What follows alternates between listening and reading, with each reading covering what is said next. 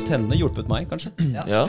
Så hvorfor ikke? Altså, det, det koster, jeg tror, et sånt kurs, da. Nå er vi i gang, dere. Vi er on air. Yes. Yes. Episode 119. Ja. Ja. Og så skal jeg bare fortsette på det vi snakka om. Vi snakka om Wim Hof, at vi ikke har gjort det Vi har ikke gjort det før podden i dag. Det er egentlig en uh, liten uh, tradisjonsbryter. Oh. Ja, er sant. Men eh, da sa jeg også at det hadde vært kult å melde seg på et sånt kurs, en sånn Wim Hof-runde. For han har jo sånne jeg tror det er to uker eller noe sånt, og du kan bli med og bade i kalde innsjøer og ta kalde dusjer og puste og ja, bare koble deg på Wim Hof sin eh, metode, da. I to hele fuckings uker. Ja, er det med han, Det da? er med han. Oi. Så jeg tror det er sånn 3000 dollar. Altså, ja, så du må ut med 30 løk da, for, å, for å bli med. Men ja, hvis det er det som skal til da, for å få det litt bedre. Ja, men jeg, jeg så jo det på den derre um, Herregud, hva het den serien, da? Det var hun derre Gwyneth Patrol, eller det er hun som var dama til Iron Man, vet du. Hun blonde. Dama til Iron Og det er til Tony Stark? Ja, ja. Hun blonde, blonde dama her, hun driver en egen Eller hun har en egen serie hvor hun undersøker sånne forskjellige ting, da. Så hun var jo tok eh, Tok eh, ayahuasca, for eksempel, i Peru. Og så var, var hun på en sånn retreat med han Wim Hof, da. Ok. Ja. Ja. Og der måtte alle øve på forskjellige pusteteknikker, og de bada i iskaldt vann, og det så ganske kult ut, det. Så det kan hende det er Det er nok det, det du snakker om. Ja. Det tipper jeg. Det hadde vært litt kult. Det hadde vært eh, dritfett. Men det Mm. finnes jo mye sånne artige kurs man egentlig, egentlig kan eh, dra på. Altså, du har jo Wim Hof, men du har jo sånn type meditasjonskurs. Jeg tror sånne retreats hadde vært kult å være på. Ja. Jeg tror du møter helt sjukt mye space av folk. Ja, det tror jeg. Sa, samme om det er eh, Men interessante, da. interessante. Ja, ja, du, det er ikke mann eller dame i gata som er på Wim Hof-retreats. Det tror jeg ikke. Nei, og, og når ikke. du er der, så er jo du også en definert som litt spasa, er det ikke det? Jo, definitivt. misfit, Ja, ja, liksom? Jeg tar, jeg tar med meg sjøl også i den. eh, Ja. Men, men er det her ting man kan gjøre i Norge, eller er det, er det noe bra i Norge? Eller er det liksom, må man ut av landet for å faktisk finne de bra kursa, de Jeg gode tror- kursa? Jeg tror det er mye kompetanse uten, På sånne ting så tror jeg det er mye kompetanse utenfor for Norge. Men det, du har helt sikkert noen bra kurs her òg. Men eh, de beste Jeg har, jeg har en følelse på at de Altså Freak of Natures de eksisterer i de største landene. Der er det liksom Du, du møter på flere mennesker, sånn type USA. da Der har du jo Mm. jævlig mange Freak of Natures Men det er, uh, Freak of Nature. Men der er det jo Hvor mange millioner mennesker er det? 300 og 60 eller noe. Ja. Så du har mange å plukke Ja. av, da. Så jeg tror du må liksom ut, uh, ut fra Norge. Jeg, jeg tenker det, og jeg, tenker, jeg blir automatisk skeptisk med en gang jeg hører noe sånn eh, meditasjonskurs i Norge og sånne her type ting. Så jeg føler at det er litt nyere i Norge. Den der eh, Ja. New Age Det er jo litt i den der New Age-bølja, den eh, meditasjonen og det. Jeg føler at de er, de er ikke så rutta, da. De som, hvis du May-Britt fra, fra Åndalsnes lyser ut at hun har femdagers meditasjonskurs, så tenker jeg at der, Ok, men det her har ikke du gjort hele livet. Det ligger liksom ikke i familietreet ditt. Det er noe du bare har erverva nå de siste åra, tenker jeg umiddelbart. Ja, ja, jeg er helt enig. Og jeg tenker i forhold til uh, Hvis du skulle vært på et meditasjonskurs, så vil du jo gjerne på en måte ha noen som er eh, arvtakere av den kulturen, da, som er litt innenfor eh, ja, de buddhistiske munkene. Tibet vil du helst dra til, tror jeg. Ja, jeg tror liksom du, det er på en måte top notch. Og så alt annet på utsida der, det blir bare dårligere og dårligere kvalitet på. Men jeg, jeg føler at der, i Norge Jeg tror det er noen bra kurs her òg, men jeg mistenker at eh, noen Mange, egentlig, av disse kursa som er i Norge, Ja. der treffer du noen som bare er helt sjukt speisa. Sånn helt eh, svevende vovo-opplegg. jeg føler at det er stor sannsynlighet for å treffe på noen av de. Og så tror jeg det er noen som er litt mer eh, down to earth Mm. og har en, eh, en seriøsitet da, som er litt eh, annerledes. Kanskje det som jeg ville vært litt mer ute etter. Mm. Eh, så, så jeg føler at eh, du må, du må nok gjøre mye mer research, føler jeg. Mm. Eh, Jeg tipper at sånn, bare for å ta tall ut av lufta, 80% av de retreatsa som er i Norge, tror jeg er mye sånn uh, vovo, Ja. svevende shit. Med folk som er altfor spasa. Jo mer spasa du er, jo bedre er det. Og så, og så tror jeg at hvis du f.eks. Hadde, hadde dratt ja, Tibet, da, så tror jeg vel 95% av de, der er det top notch, og så har du 5% som kanskje er litt sånn eh, litt dårligere. Ja, ja. Ja, men- altså, jeg blir gjerne med å dra på kurs eh, med dere. Altså, hvis dere finner ut at Wim Hoff han skal vi møte og henge litt med, liksom, så joiner jeg. Det hadde vært kult. Helt klart. Det hadde vært jævlig Ja, kult. det hadde vært jævlig kult. Det var litt synd, da. Det er 30 papp Ja. på det. Det er, det er litt stivt. Jeg så på et kurs for han, eh, han eh, Joe Dispenza, som meditasjonskurs, Mm. og ja, snakker om mm, litt ut på kanten Vovo, så er jo det Ja. definitivt i den gata. Ja. Eh, men det også kosta jo 25 000-30 000, ikke sant. Så, så en, en dag, tenkte jeg. En Ja. dag. Ja, vi får bare vente til eh, kryptoen eh, bare skyter av gårde her. Ja. Så kan vi ta en liten slant av det da og bruke på kurs. Ja, det høres bra ut. Ja, Det tenker jeg det, det kommer til å gjøre, gjøre oss godt. Men hvordan eh, står det til på kryptoen i dag? Det har vært langt nede en stund. Og så har jeg liksom sett at dere, Fått en er liten, liten, liten pump nå. ja, liten Ja. pump opp. Det skjer ting. Men jeg har blitt helt solgt etter jeg har hørt på han Michael Saylor. Ja. Han eh, forklarer bitcoin og, og forskjellen på bitcoin og alle andre kryptoer. Mm. Det, det er spennende, Ja. uh, men det er en langtidsinvestering hvis Mm. du skal investere i bitcoin nå. Men jeg tror det er veldig lurt å eksponere seg for det. Ja. Er det bare bitcoin nå?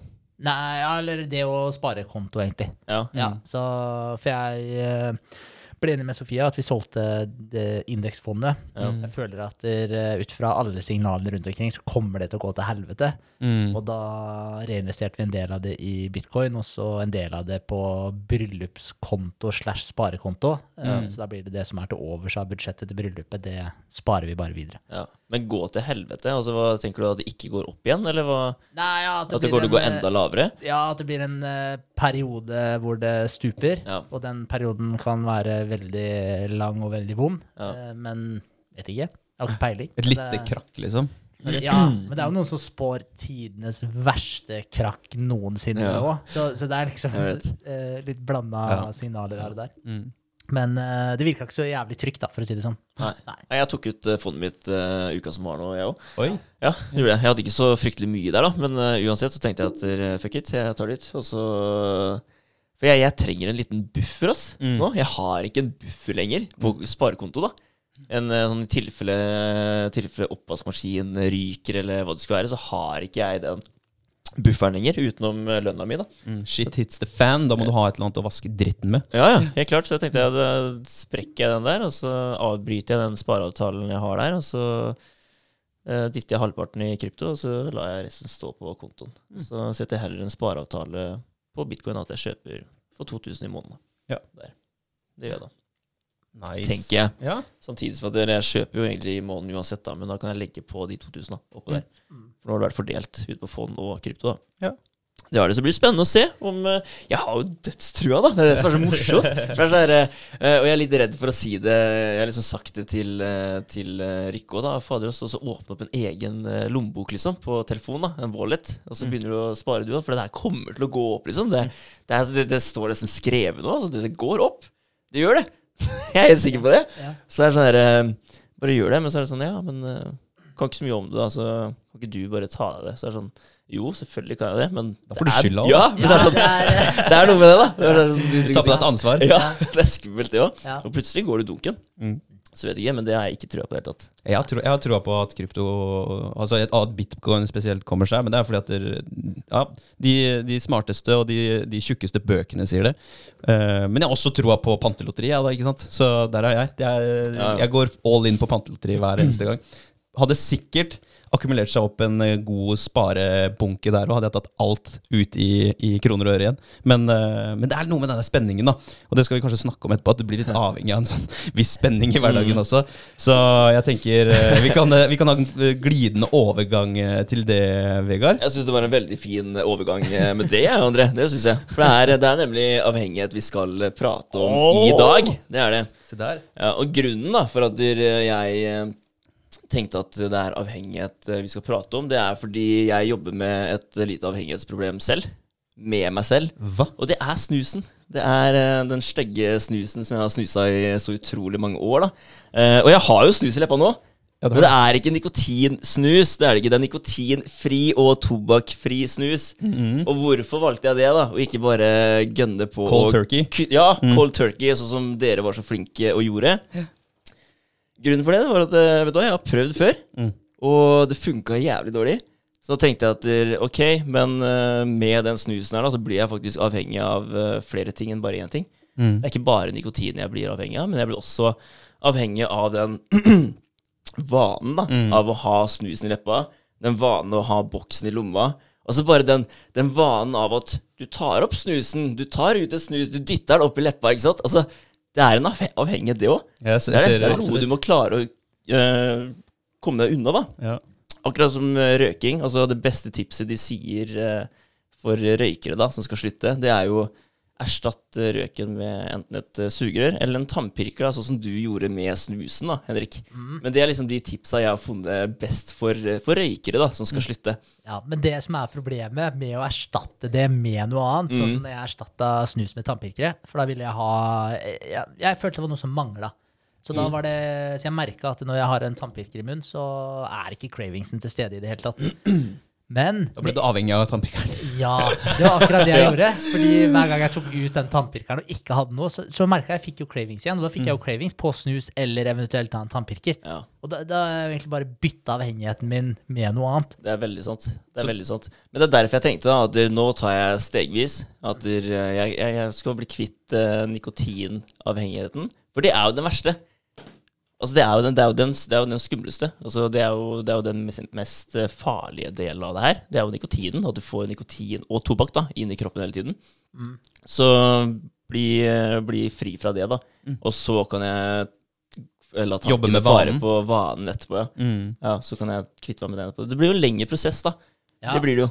Mm. Men det er i hvert fall vekk, eller fri fra, fri fra nikotin, da. Det er litt Jeg sånn vi- at det, er kanskje det verste. Ja, litt sånn hvis vi snakka om i forhold til uh, disse nyttårsforsettene også, at der, ofte så går de til helvete fordi du, du setter deg for et for høyt mål, eller uh, en for stor forandring da, på livet ditt, sånn som det var før nyttår, og etter nyttår så skal du bare plutselig trene fire ganger i uka. Det blir for en for stor forandring for deg, så det kan hende at det er riktig veien å gå, at du skrur litt på bryteren, sånn at vanene smått endres. Da, jeg vet ikke. vet det er, eh, men jeg tenker eh, gi det et Eller ikke gi det et forsøk. Jeg skal slutte på den måten. Det, er- det er noe med det. det Ja, det er, eh, nå tok jeg meg sjøl her. Det er en, en, en, det er en stor, stor differanse. Ja, for Men- gru- grunnen da, det er at jeg har jo prøvd én gang før å slutte. Det er, sånn, det, er, det er veldig mange folk der ute som har prøvd mange ganger før de faktisk klarer å slutte. da Jeg har prøvd én gang før, for jeg har alltid digga å snuse. Jeg har alltid likt det. ikke sant? Det, er, det er liksom de siste åra nå jeg har tenkt at faen, jeg er faktisk slave for det jævla produktet der. Hvor lenge har du snusa? Eh, siden åttende klasse.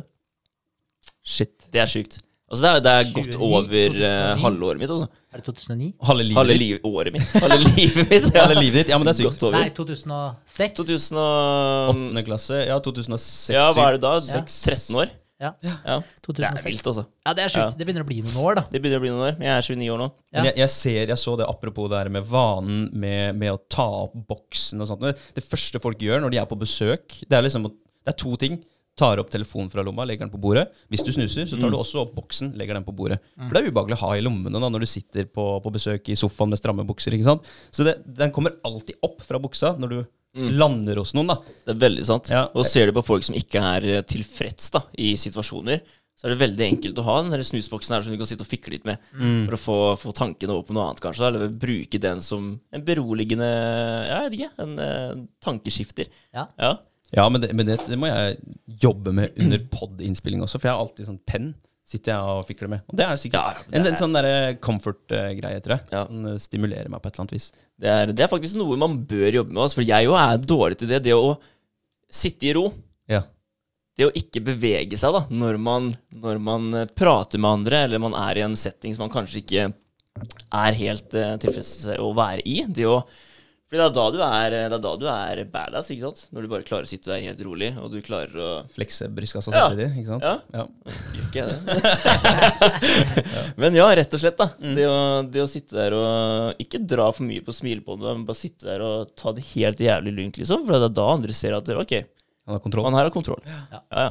Ja, Det er sånn det er, altså. Ja, 100% Kroppsspråk er så sjukt viktig, men det føler jeg er noe man må jobbe med hele tiden. Mm. Altså Det er en eh, konstant uh, trening, en konstant øvelse på å bli god i å utvise det kroppsspråket som du ønsker å utvise det. Ja. Og så er, eh, er jo det der en gjensidig prosess òg, i forhold til at hvordan du eh, Hvordan kroppsholdning du har, eh, gestikuleringer hvordan du velger å utøve de handlingene der, påvirker igjen hvordan du føler deg.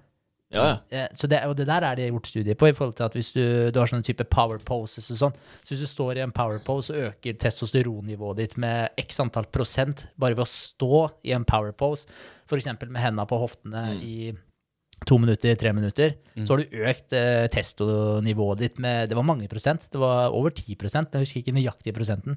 Men det var mange prosent bare ved å stå sånn. Så det betyr jo at du kan jo faktisk påvirke hvordan du føler deg med hvordan du sitter og åssen kroppsholdning du har. Så det med å lære deg å uh, utnytte det på en best mulig måte, vil gjøre at du faktisk føler deg og, uh, og eh, ja, føler deg annerledes og prater på en annen måte. Ja, ja. Som er i den eh, mer genuinte hvordan du ønsker å oppføre deg òg. ja, ja. Og som- andre oppfatter det òg, da. Ja. Ja, ikke sant? Ja. Folk som holdt en high power pose i to minutter, opplevde 20% økning i eh, selvtillitshormonet testosteron og en 25 eh, decrease i stressreaktive hormonet kortisol. Det er sjukt. 86% av high power pose people uh, were also willing to gamble. Ah, ja. Ja, så de tok større Ja, sjanser, da. Mer risiko. sjanser, Og, ja. og testosteron og, og risiko er uh, høyt eh, linka. Men det er jo sykt, da. Tenk deg det. To minutter, så får du 20% mer testosteron og 25% mindre kortisol. Mm. Det er sjukt. Og det, og det er også derfor altså folk som har tatt eh, Husker dere før i tiden, når vi var ungdommer og folk bola, at dere, vi opplevde Altså folk som var like gamle som oss, de tok steroider eller noe som var tilsvarende steroider. Mm. Så var det akkurat som vi alle ah, ja, han, eh, ja, han snapper hele tiden, rullegardina går ned, han, han boler, han, vet du. Så han bare klikker. Og det er jo fordi at testosteron, eh, økt testosteronnivå har også tilknytning til økt eh, risikotagning. Da. Så det er ikke nødvendigvis at der, han blir så eh, sinna, men han agerer fortere på ting. Altså veien er kortere til å gjøre noe. Og gi litt mer F i konsekvensen, kanskje. Yes, Ja. Får mye høyere selvtillit, da. Bare vet at det, ok, hvis du sier noe til meg, så knuser jeg trynet ditt, liksom. Ja. Ja. Ja, For selvtilliten sier at det her klarer du fint. Ja. Ja. Null stress. Men uh, ut ifra avhengigheten, altså det å slutte å snuse Problemet mitt det er at jeg skal klare å bli en ikke-snuser. Jeg skal bli en person som uh, omtaler meg sjøl som en uh, ikke-snuser. En person som ikke snuser. Kontra en person som har slutta å snuse. Altså, jeg skal ikke være han duden da, som, uh, som sier til andre at Nei, vet du jeg har holdt opp i tre måneder og fire dager nå. Så det går veldig bra, da. Mm. Kontra For det er en stor forskjell her, da. Si at vi er på, vi er på en pub, da. Så går vi ut eh, på utsida av puben, med, om det er med gutta eller om det er noen andre mennesker som står der òg. Om det er eh, Si du skal ut og De andre skal ut og ta en røyk, da. Så står du der og fyrer opp siggen, og så spør du Henrik, vil du ha en uh, sigg. Sier du at nei, vet du, jeg har holdt opp i tre måneder og fire dager, altså, så det er good. Mm. Mm. Ja. Kan du bare banne på at det går en faen i de gutta der. Mm. Ja, og de bare Nei, kom igjen, da. Ta, igjen, liksom, ta en festsigg, da. Altså, du har klart deg tre måneder, så du kan jo ta den siggen her, og så kan du bare fortsette i morgen. Mm. Det er ikke noe problem. Kontra da, hvis du sier at eh, Nei, vet du hva, jeg ikke en Eller jeg røyker ikke, da. Mm. Ja. Du bare anser deg sjøl som en ikke-røyker. Så da, du bare avvæpner deg mye fortere, da. Du setter opp den muren med en gang, ikke sant. Du, det, er sånn derre- det, er, det er ikke noe morsomt engang for de å prøve å få deg til å ta den siggen. Hvis du sier at nei, jeg røyker ikke. Det er sånn, ok. Da er den bare satt død, da, med en gang. Ja, og så er det en statement også. Det er, ikke Ja. en, det er ikke en unnskyldning. Fordi det er jo egentlig det du kommer først når du sier 'nei, jeg, jeg slutta, jeg har ikke røyka på tre måneder og fire Ja. dager'. Det er jo en unnskyldning Ja. for hvorfor du ikke kan ta den siggen, i stedet for å bare komme med den statementen 'nei, jeg røyker ikke'. Punktum. Eller er hvis du sier 'jeg prøver å slutte'. Det er også en liten unnskyldning, for da har du alltid en utvei. 'Jeg Definitivt. prøvde, men klarte ikke'. Definitivt. Ja, Men, det er veldig sant. Men det er det du er inne på i forhold til det du sier til deg sjøl òg. Fordi når du sier 'nei, jeg har ikke røyka på tre måneder og fire dager', så er det jo Jeg røyker egentlig, men nå har jeg hatt en pause så og så lenge. Du har hatt en pause i røykinga di, i stedet for at du sier 'nei, jeg røyker ikke'. Punktum. Ja, Da har du den identiteten igjen, at du er en person som faktisk ikke røyker. er Ikke en sant. person som har tatt en pause i røykinga. Er det, det, er litt, er det litt av Det er sikkert litt farfetch, da, men det å ta pause i forhold, er det, det, det kan ikke være bra, det? Det er sånn Nei, vi tar en pause. Nå fungerer det ikke så bra. Vi tar en pause. Nei, jeg tenker det. Det er, det er sånn ja. halvveis statement igjen. Fiks det eller riv av plasteret. Ikke sant? Ja. Ja. Slutt eller fortsett. Ja. Jeg tror det, det er en jævlig dårlig løsning. Ja, jeg er jo generelt pro da å bare rive av plasteret. Sånn eh, Ja, enten om Altså bare kort prosess. Jeg, jeg ville aldri begynt, eller prøvd, da, basert på den tannpirkererfaringa mi, Ja. så ville jeg aldri prøvd å bytte det ut med en, med en halvveis greie. Nei. Jeg, jeg ville bare Jeg skjønner det. quitta Ja, det. jeg skjønner det, Fordi- Fordi jeg merka at jeg ble jo dritavhengig av det nå. For Ja. nå er du fortsatt Men det er som du sier, du, nå trapper jo du ned prosessen, da. Ja. Kanskje det funker. Jeg vet ikke. altså Nei. det er jo De sier jo at er det med, er det med nikotin, røyk, snus, så skal du egentlig bare kvitte med en gang. Mm. Rus, så skal du trappe ned. Er det derfor han heter Ja. Kvitt? Ja, ja det må være kvitt, det. Ja, det er sin. Ja, den, den, lukta, den lukta faktisk blanding av hostesaft og, og Jegermeister, og det er ganske like, like lukter. Det lukta Serr, jeg veldig lukter te, jeg, da. Men, Ja, gjør det? Ja. Jeg synes, det er grønn te i den, mener jeg. ja, det er det. Ja. Og Jeg syns det lukta litt sånn jegeraktig. Sjukt, gjør du det? Ja, jeg lukta mye rart der. Ja. Jeg, Ja, er det sant? Ja, men det er sikkert, det er sikkert veldig mye rart i den òg, da. Altså, det står eh, vann og grønn te, liksom, og noen andre aromaer. Men eh, Det er noen E-stoffer inni der. Nei, garantert garantert mye som ikke er bra i det nå. Det, det vil jeg tro. Men uh, hele poenget, da, det er å slippe nikotinen, da. Altså, det er den som er eh, synderen med, med den avhengigheten, da. Det er det jo. Uh, så jeg tenkte egentlig bare vi kunne ta kjapt uh, første møte med nik- nikotin, da. Altså, når skjedde Våre. det? Ja. Jeg kan starte. Mitt første møte med nikotin. Altså, jeg har jo vært rundt det da, helt siden jeg var liten.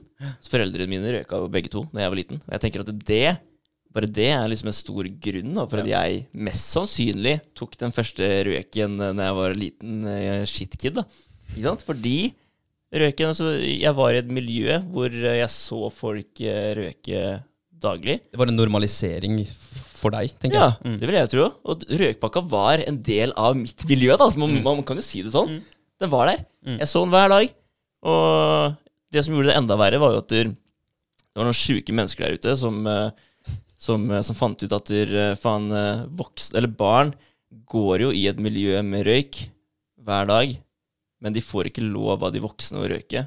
Mm. Hva gjør vi da? Jo, vi lager sjokolade som ser ut som sigg. I Ja. små røykpakker.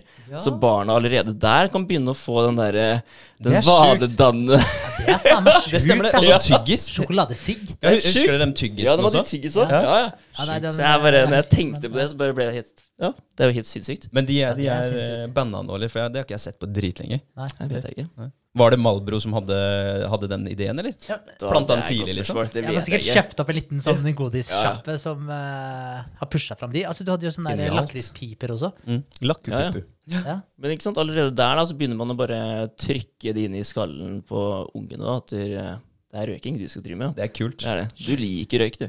Men, det, men, men eh, vi hadde vel den perioden alle sammen hvor vi sto med sanne godterigjenstander og bare lata som, for det var litt kult. Folk, eh, De voksne gjorde det. Så de var, de var voksne, de var kule, de var hippe. Jeg husker første hvor jeg tente på noe. Det var eh, i Fredrikstad. Var typ åtte år, kanskje, eller noe sånt nå. Mm. Eh, nei, syv. Ja. Tente på gresstrå, eller sånn derre hamp, eller hva heter det? Sånn um, gult, eh, Gult, ja, strå. Ja, gult strå. Ja. Så prøvde å, å gjøre det. Og så var det noen sånne sotrør også. Et Sånn, større rør som vi tente på. Prøvde å trekke inn. opp. og det her er jo ikke bra. Papir, liksom. Vanlig rulla papir. Det er bare, Ja, det gjorde jeg òg. Det er ikke bra i det hele tatt. nei, så vi var tidlig ute, da, med andre ord. Ja. Ja, men, eh, ja, men det, er, det er noe med det. Og så hadde jeg sett eh, ungen min da gjøre noe sånt som jeg gjorde den gangen. Så det er jo ikke sant? Det er jo helt skammelig. Mm. Men eh, det er der det starta. Og så, som du sa, med de stråa, da. Jeg husker godt det når jeg var på gården i Armark, liksom. Det var strå overalt. Mm. Og så at der, eh, noen eh, Det var, det var en som starta det. Jeg husker ikke hvem det var, men etter det så var det, Det hver gang, hver gang man så Armark, ja. hver gang man så et strå og man kanskje brant da, på, på våren for å få vekk, få vekk det døde gresset og fram med det nye, så var det veldig vanlig å ta strå da, og tenne på og så røke de stråa, Liksom. Mm. Det, det kunne jeg gjøre. Så, så det var kanskje en eh, start, eh, det òg. Mm.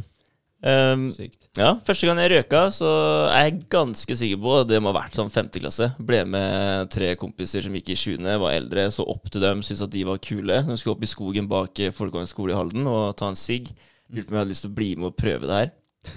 Ja, ja, det er helt vilt, Det. Fuck, det er tidlig. ass. Hvor gammel er du da? Du er ti år? Ja, 10-11. Helt, helt Ja. vilt. Så det er eh, Ja, jeg, jeg skjønner ikke sjøl, Men det som er så skada, da, det er at når man går opp dit da og skal lære de greiene der For det første så må du lære deg å trekke ned. Inhalere de greiene der, for det, det brenner jo, det gjør vondt. Ja, Så hva gjør du da? Nei, du må lære deg å si eplekake da mens du trekker inn. Og så, Ja. eplekake! Ja, Ja. ja, vi brukte Ja. pepperkake. Ja. så, så, så ja, ja, det er forskjellige metoder. Utrolig bra. Ehm, ja, det gjorde jo at man til slutt uh, lærte seg det her, da. Fokuserte på noe annet. Mm. Lærte seg å trekke ned. Um, og det som er litt uh, sykt, er at man tenkte ikke på det som noe farlig, men noe man måtte lære seg. Fordi Mm. de andre gjorde det. Det var kult. Og det er litt sammenheng da, med kaffe og med øl. Det er litt den derre Du ser at de voksne gjør det. De voksne drikker kaffe, de voksne drikker øl, de voksne røker, de voksne snuser. Og det er litt den derre prosessen at du, du er ikke voksen før du lærer deg å drikke kaffe. Mm.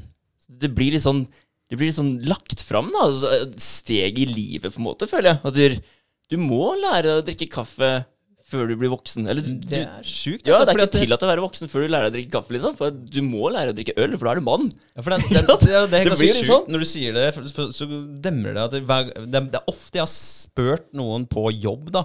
På mange av jobbene mine. Hvis det var noen som skulle kjøpe bil eller kommer inn på nivå. Ja, kan jeg by på en kopp kaffe? Så Mm. bare Nei, jeg har ikke blitt voksen ennå, jeg skjønner du. Så det er sånn autorespons Ja. på veldig mange. Ja, det så det, det, det ligger der, altså. Det er ganske sykt. Utrolig, utrolig rart. Mm. Um, men ja, det starta med siggen, gikk over til snus. Altså, jeg husker jo den tiden her veldig godt. Det var sånn, eh, det er mange år siden, da jeg var ung. Men det, det gikk jo Vi gikk på ungdomsskolen. Det gikk i røyking, vi snusa. Det, det gikk liksom om hverandre, da. Vi snusa bakesnus. Mm. Ja, og det, det gikk over til uh, pose, som jeg da syntes var best uh, til slutt. Eller best det var sikkert fordi jentene syntes det var mindre ekkelt, vil jeg tro. Da valgte jeg pose. Ja. Mm. Så det var liksom uh, det det har endt med, da. Og det snusa da siden, eh, siden åttende klasse, da. Så det er, det er ganske vilt, altså. Ja. Det er det. Det var liksom mitt første ordentlige møte med nikotin. Første siggen jeg tror at jeg fyrte opp, det var femte klasse. Sjukt. Ja. Ja. Ja. Men 16 år med snusing, det er, eh, det er lenge. Mm. Det er lenge, jeg Ja, tenkte jeg. det er ikke rart du er 16 år. Nei, nei, 16 år så har du bare rent sånn brun guffe ned i halsen min, liksom. Har du en stor grop, Ja. eller? Vet du det? Hva sier sier det er ikke tannlegen, noen da? Krise. Nei, tannlegen uh, sier ikke noe. Jeg har spurt flere ganger om han liksom ser tydelig at jeg snuser. Men Mm. det eneste man kan se det på, som han sier, det er jo det er selvfølgelig litt uh, grop, men ikke noe farlig. Og så er det den strengen da, oppi Mm. leppa som er slitt bort. Mm. Det er det. Så, og så kan du få tøye, eller høyere, høyere sånn uh, linje for tenna, at det, de, der, det tannkjøttet trekker seg opp. da. Mm. Det blir, går høyere opp, sånn at røttene kommer fortere fram, på en måte. Så det, det er jo ikke noe hyggelig, egentlig. Eh, og det kan fort få sånn ising i tennene. Men det, noen av tannlegene har jo sagt at ja, men det dreper jo bakterier, da, så det gjør en god jobb også. Ja. Og det er sånn, ok, ja, Ja, veldig bra. Jeg, ja, jeg føler det der er sånn der eh, Man skal alltid komme med en eller annen sånn Ja, men det er bra for det her. Selv om det er ræva på de 140 000 tinga her, så er det bra på de fire her, da. Så, Du kan få kreft og dø, Ja, men uh, du dreper bakterier, da. ja. Jeg føler det er sånn med, med snus, eller om det er vin, eller om det er sjokolade. Altså, man skal alltid liksom finne en eller annen unnskyldning til hvorfor Nei, det er ikke så, det er ikke så hva. Vin er ikke det bra for øh, blod, altså du, blodfortynnende? Så hvis du trenger Hvis du har høyt blodtrykk, da, så får du tynna ned blodet ditt, sånn at du kanskje får lavere blodtrykk. Så drikk masse vin. Det er øh, dritlurt. Men mitt første møte i Molde var vel det. Det var også bake. Jeg skjønner ikke helt hvorfor. Molde? Molde, ja. Ja. Mm, Åttende klasse i Molde. Så da, da var det bake vi skulle teste. Bakesnus. Ehm, det lukta dritgodt, husker jeg. Jeg syntes det var et kjempespennende eh, lukt. Og så er det spennende fordi det er ulovlig, da, selvfølgelig. Og det var akkurat samme reisen der. Begynte å eksperimentere med, liksom, med bake, og så gikk man over til pose, for det var mer praktisk. Og ja, sikkert, som du sier, kjekkere for alle rundt det. Ja, det, det tror jeg. Ja, jeg tror det. Ja. Tror det. Ja, jeg òg av en eller annen merkelig grunn testa bake først. Ja. Ja, jeg var heller ikke gammel når jeg testa det her, men da var jeg med noen eldre gutter. Ja. Så jeg husker jeg var med brorsan og noen andre og spilte fotball. Og da dro de fram eh, bakesnusen, og da fikk jeg bare litt i hånda. Jeg ante ikke hva jeg skulle gjøre med det. Skjønte ikke at man eh, skulle bake den heller, da, så jeg kasta det bare i munnen og prøvde å døtte det opp i leppa med tunga. Oh. Og ja, det gikk fort uh, ut igjen. Nei, jeg ble faktisk ikke dårlig, men uh, det smakte jo helt sinnssykt. Ja. Så det gikk fort ut igjen. Og neste gang jeg testa det, var også baket, faktisk. Men da var det fra uh, broren min. Så da lærte han deg hvordan du skal gjøre det. Ja, så han baka eh, for meg. Og da husker jeg det var sjukt, for da jeg fikk jo det der nikotinsjokket, ble svimmel, og det var jævlig lættis, husker jeg. Mm. Vi satt og spilte Fifa, så hvis jeg tapte, så måtte jeg ta en snus. Tapte.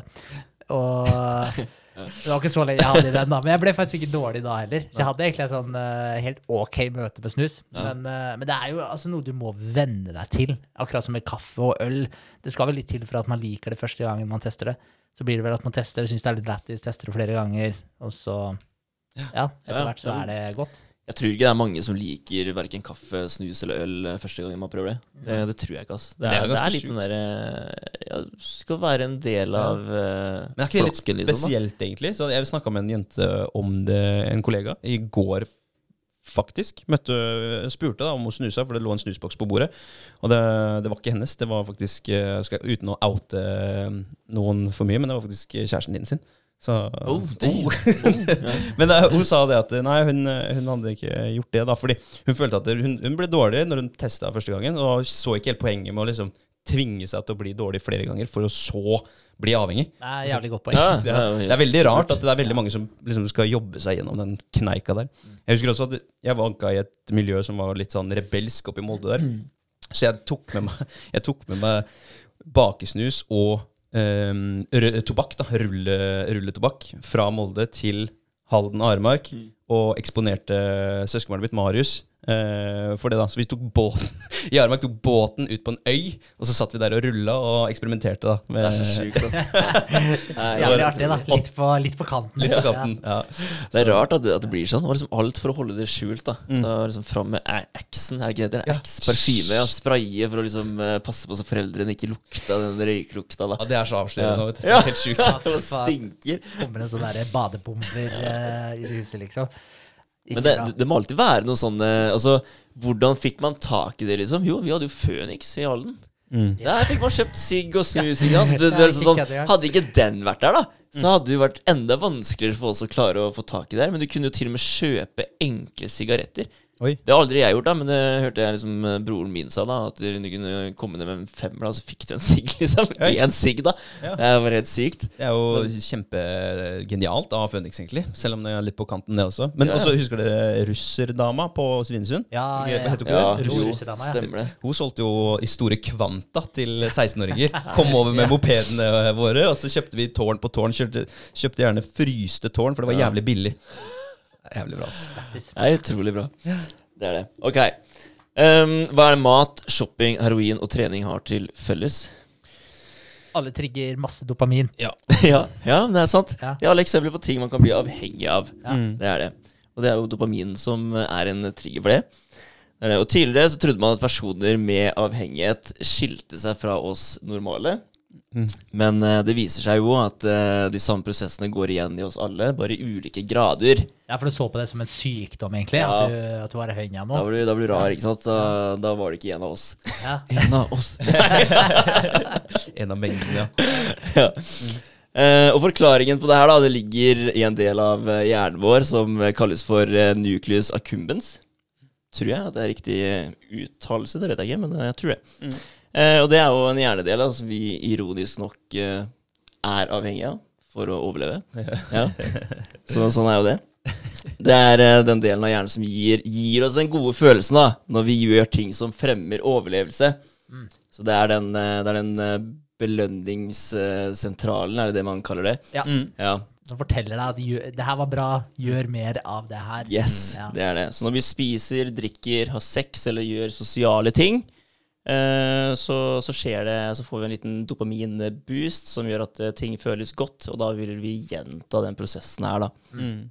Men det fins også en rekke andre aktiviteter, som gambling, overspising, inntak av nikotin og rusmidler, som ikke har noe med den overlevelsesbiten her å gjøre, da. Men den blir fortsatt belønna Mm. av samme, av samme hjernedel. Mm.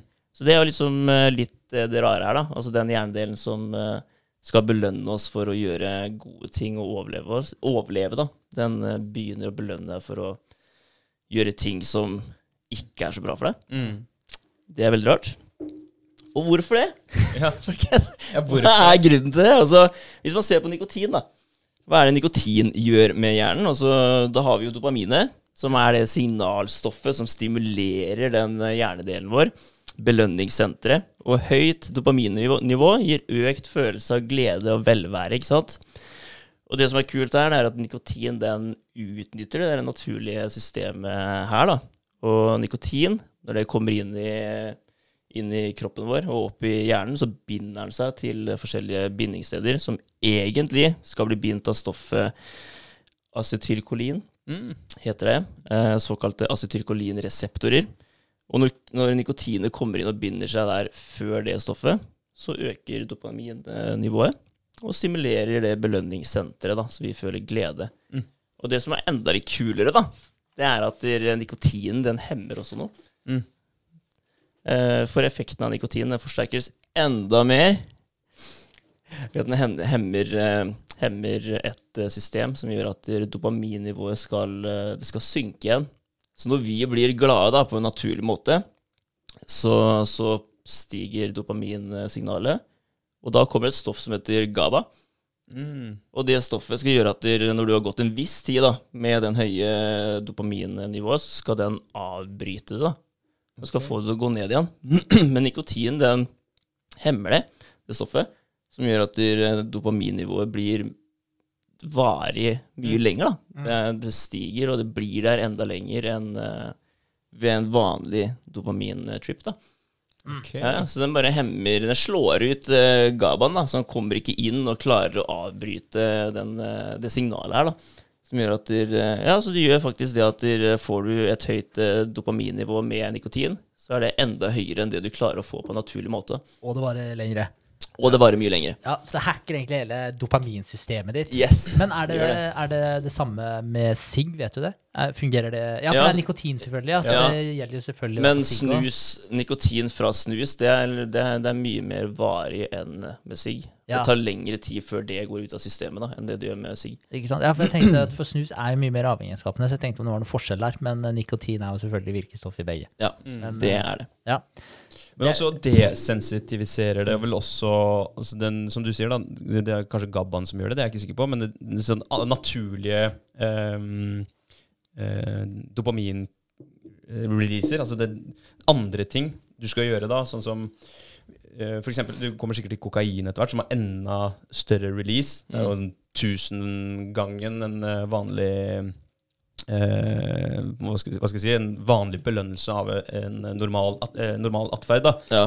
Men, eh, men eh, hvis du da bruker kokain over tid, så vil du også eh, på en måte lamme det derre senteret som, som styrer de greiene her. Sånn at du, mm. du vil på en måte herde det, sånn at du må, du må få mer av det stoffet. Men tømmer du ikke dopaminlageret ditt? Er det ikke sånn at du bygger opp et visst lager med dopamin i kroppen som du på en måte skiller ut i burst, da, når du gjør et eller annet som da skal skille ut dopamin? Jo, men du bygger også opp en toleranse, da. Ok. Ja. Ja, Så når du gjør det sånn som med, med kokain, da. Altså du har gjort det én gang, og da fikk du den, Release. den releasen, ikke sant. Det bare slår verre. Og så gjør du det en gang til, og så er det fortsatt bra, men det var ikke helt der, ikke sant. Mm. Ja, Ja. Så du må hele tiden fylle på mer og mer da, for å få den samme, Ja. samme releasen som du fikk den gangen. da. Men er det pga. toleranse, eller er det pga. at du ikke har like mye av dopamin eh, ja, Jeg er ganske sikker på at det er for toleransen. At du blir tol for det er jo samme med, med sigarett og snus òg. At der, du, må snu du må røyke mer da, Mm. om dagen for å få Samme effekt. samme effekten som det du gjorde fra starten av. Ja. Mm. Ja. Og det er også litt av grunnen til at øh, den der, som vi hørte da vi var unge, det propaganda, det leder Det er en sånn portal til farligere stoffer. Så hvis du først prøver et eller annet øh, stoff da, som trigger øh, en, eller gir deg en burst Som du sier, vi har jo, vi har jo en konstant dopaminflow. Mm. Så vi har jo den, den ligger jo der. Og så er det enkelte ting som releaser mer enn en andre ting. Så, så hvis du da har gått på kokain en god stund, så vil du etter hvert bli eh, på en måte nummen da, i, i kokain-releasene dine. At du ikke får samme effekt. Du må enten øke dosen eller prøve andre ting da, som kan gi deg enda mer. Det er ikke så mye annet som kan gi så mye mer, men jeg vet at eh, amfetamin er jo ganske høyt på, på lista der, den også sammen med nesten på samme måte som kokain. ja, ikke sant? Mm. Ja, nei, det er, uansett så er det skumle, skumle saker. Det, det er det. Ja, det, det som er fucka med det, er jo at det på en måte det tar deg jo et hakk opp Mm. i forhold til det du opplever nå. Altså om du tar et eller annet virkestoff, eller om det er snus, eller uh, hva enn det måtte være, som gir deg den godfølelsen, så tar jo den deg til en litt annen sinnstilstand enn det du var i. Så den tar deg på en måte et hakk opp Mm. fra der du var. Og sånn som kokain tar deg sikkert da ti hakk opp, Mm. uh, fordi det er så sterkt. Men det de gjør, er jo at de gjør uh, hverdagen din kjedelig. Mm. Og det leste jeg jo et innlegg om en som uh, hadde vært avhengig av heroin. Mm. Eh, og han eh, la inn et innlegg på Reddit, for det var noen som spurte. Altså, hvordan er heroin? Hvordan fungerer heroin? Eh, Mm. For han var nysgjerrig på det. Det skjønner jeg jo, da, for jeg også er jo på en måte nysgjerrig på det. Altså hvordan funker det, liksom? Ja. Og hvorfor blir folk så dritavhengig av det? Det han fyren her sa, det var at det, det riktige ordet å beskrive heroin med, det var chill. Mm. Mm. Så du tok heroin, Det er chill, ja. det var bare chill. Alt var bare chill. Ja. Så han hadde en sånn nice tilnærming til alt som var. Og øh, ja, hadde ikke så mye negative tanker og sånn. Han bare fløt med, og ting Ja. var chill. Et liv uten bekymringer, liksom. Ja, egentlig, ja. Ja. Så du vil tilbake til det, da? Det var akkurat det, for eh, i starten så, så var det jo veldig billig. Det, han trengte ikke så mye for å bli fjern, og det var ikke sånn at han eh, tok så mye at han ikke fungerte heller. Eh, det varierte sikkert på når han tok det og sånn, men han kunne ta litt før han dro på jobb, og det også overraska meg helt sjukt. Liksom? Ja, typ da. Fordi eh, når jeg, når jeg hørte det, så var jeg sånn eh, For det hadde ikke jeg peiling på. Jeg trodde sånn at når du drev med heroin, da, da, da er du fucked, liksom. Ja, ja. Men eh, som han sa, det, var, det, var, det er mange folk, det er mange flere enn du tror, som er heroinmisbrukere, Mm. men som fungerer helt eh, fint, da.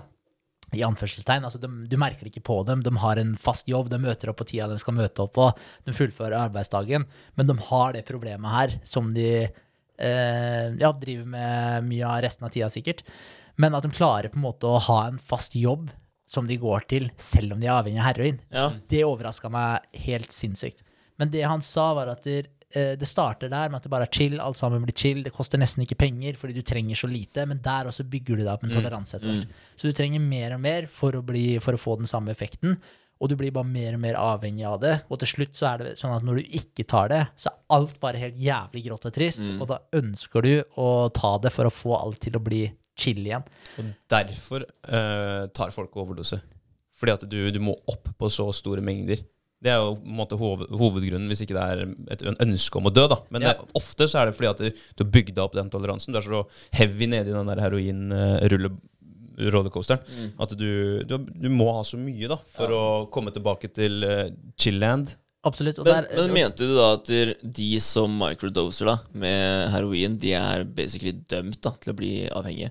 Ja, men det er ikke nødvendigvis at de microdoser heller. Da. Nei, altså, nei, men- altså det, jeg vet da faen, jeg. Nei. Men, eh, men ja, du blir dritavhengig av det. Ja. Men det spørs, altså, det spørs jo sånn som det er med alt. da. Så tar du de greiene hver dag. Eller om, du, eller om du klarer å ta det Det er jo folk der ute som tar det en gang innimellom. Ja. Jeg føler at det kanskje er litt å, å være litt på kanten med det som Jeg vet ikke om det er lurt å riske så mye, da, men det er jo noen som tar det veldig, veldig eh, sjeldent også. Ja. Er det jo. Men ja, han der eh, Carl Hart. Ja, han eh, tar det vel innimellom. Han, han tar det innimellom sammen med dama si og professor Carl Hart av Columbia ja, har University. jeg sett før, altså. Ja. Han har vært med på Joe Rogan og litt sånn forskjellige Ja. podcaster, så han eh, Ja, nei, han kan eh, være kult å bare sjekke ut. Drug use for grownups har han uh, skrevet. Så det det er sikkert mye interessant der som Ja. vi kunne tilført til uh, samtalen her. Ja, så han tester, han tester jo, han tar jo faktisk da heroin innimellom. Ja. Så det er jo noen av de òg, selv om jeg syns jo det høres jævlig sketchy ut å, å leke med den. Ja. Men, eh, men, eh, men det er jo litt den der med, i forhold til det du sa, da, André, i forhold til overdoser og sånn òg. En eh, si, en av de mørke baksidene ved at ting er ulovlig, er at du ikke vet styrken på ting. Så du har jo null kontroll på det du får, og når du da må ha en høyere dose for å få den samme rusen Hvis du da får et uh, produkt som er mye renere, mye mer potent enn det du fikk forrige gang, så har du, du har ikke peiling på blandingsforholdet. Mm. Og det er jo et stort problem. Det andre er jo når folk har vært på avrusning, og så kommer de tilbake i det miljøet og også tror at de, de aner ikke hvor grensa ligger lenger. Så det som Nei. de kunne klare seg helt fint med før, det fungerer ikke i det hele tatt nå. Sant. Eh, Så da tar de også en overdose. Så det er jo, det er jo flere årsaker. Og det er også en av, som sagt, en av de mørke baksidene ved at ting er ulovlig. Mm. Det, det bidrar faktisk til å gjøre de eh, stoffene enda farligere og enda mer uforutsigbare enn det de kanskje egentlig opprinnelig er. Ja. Og kunne ha vært hvis det var regulert på et eller annet vis. Ja, så jeg vet Det var jo de- to jenter som eh, døde nå for litt siden. eh, I Indre, Østfold. Ja, ok. Ja. 16-åringer. Mm. Tok overdose av eh, Hva var det for Fenta, Fentatanyl, eller hva det heter? Det Fentanyl, hest, Fentanyl. hestedop. Veldig sterkt, tydeligvis, skjønte jeg. Ja. Så det er, det er, det er sånn du, du kan nesten ikke ta noen ting Mm. For å få, få en rus, da. Og det er visst vanskelig da å vite og så, ja, så kommer det jo to øh, jenter, 16 år, da, som sikkert får tilbud om det her fra en uh, random dude, liksom. Kanskje kompiser, vet jeg ikke. Jeg vet ingenting om det her, da. Nei. Så føler ikke jeg sier noe feil. Men uh, ja, så får de sikkert tilbud om de greiene her, da. Og hvis du skal ta det her, da, så det som ser lite ut, er kanskje veldig mye, da. Ja. Ja. Så det er jo nok enkelt å ta feil av ting hvis du ikke vet hva du faktisk tar, da. Jeg tror det var en 20 år gammel ja, Tidlig 20-åra. 20 år gammel gutt som hadde, hadde hatt de hjemme hos seg, og man sikkert skulle tatt det her sammen, alle tre. Og så gikk det gærent for de som sikkert er litt mindre rutta enn det han er. Ja. Mm. Fentanyl uh, har i hvert fall blitt brukt, jeg vet ikke om det fortsatt brukes, ja, men det er sånn bedøvelsesmiddel for hest. Mm. Det er det, ja. Ja, så jeg tenker når du skal bedøve en hest, så det, det er noen kilo mer enn det vi er. Det er klart. Så ja, ikke, ikke bra. Det er jo det som driver og flyter over grensene fra Mexico nå, til statene. Mm. Ja. Fentanyl. Shit, ass. Nei, det er ganske sykt. Og det som er eh, litt eh, spesielt da, med, med nikotina, altså avhengighet altså hva, det, det påvirker oss. da, altså Det påvirker ikke bare dopaminnivået vårt, men det påvirker eh, det, det går utover humøret, det går utover tarmsystemet vårt, det går utover blodtrykket vårt, hjertet Det er så mye da som det her påvirker. Og når man da skal slutte, da og den der ren quitten, da, ikke sant? Det er ikke rart at du får abstinenser. ikke sant? Du har gått med det her så lenge, da. Så må man endre hvordan eh, kroppen din egentlig er, da. Og hvordan han reagerer på ting.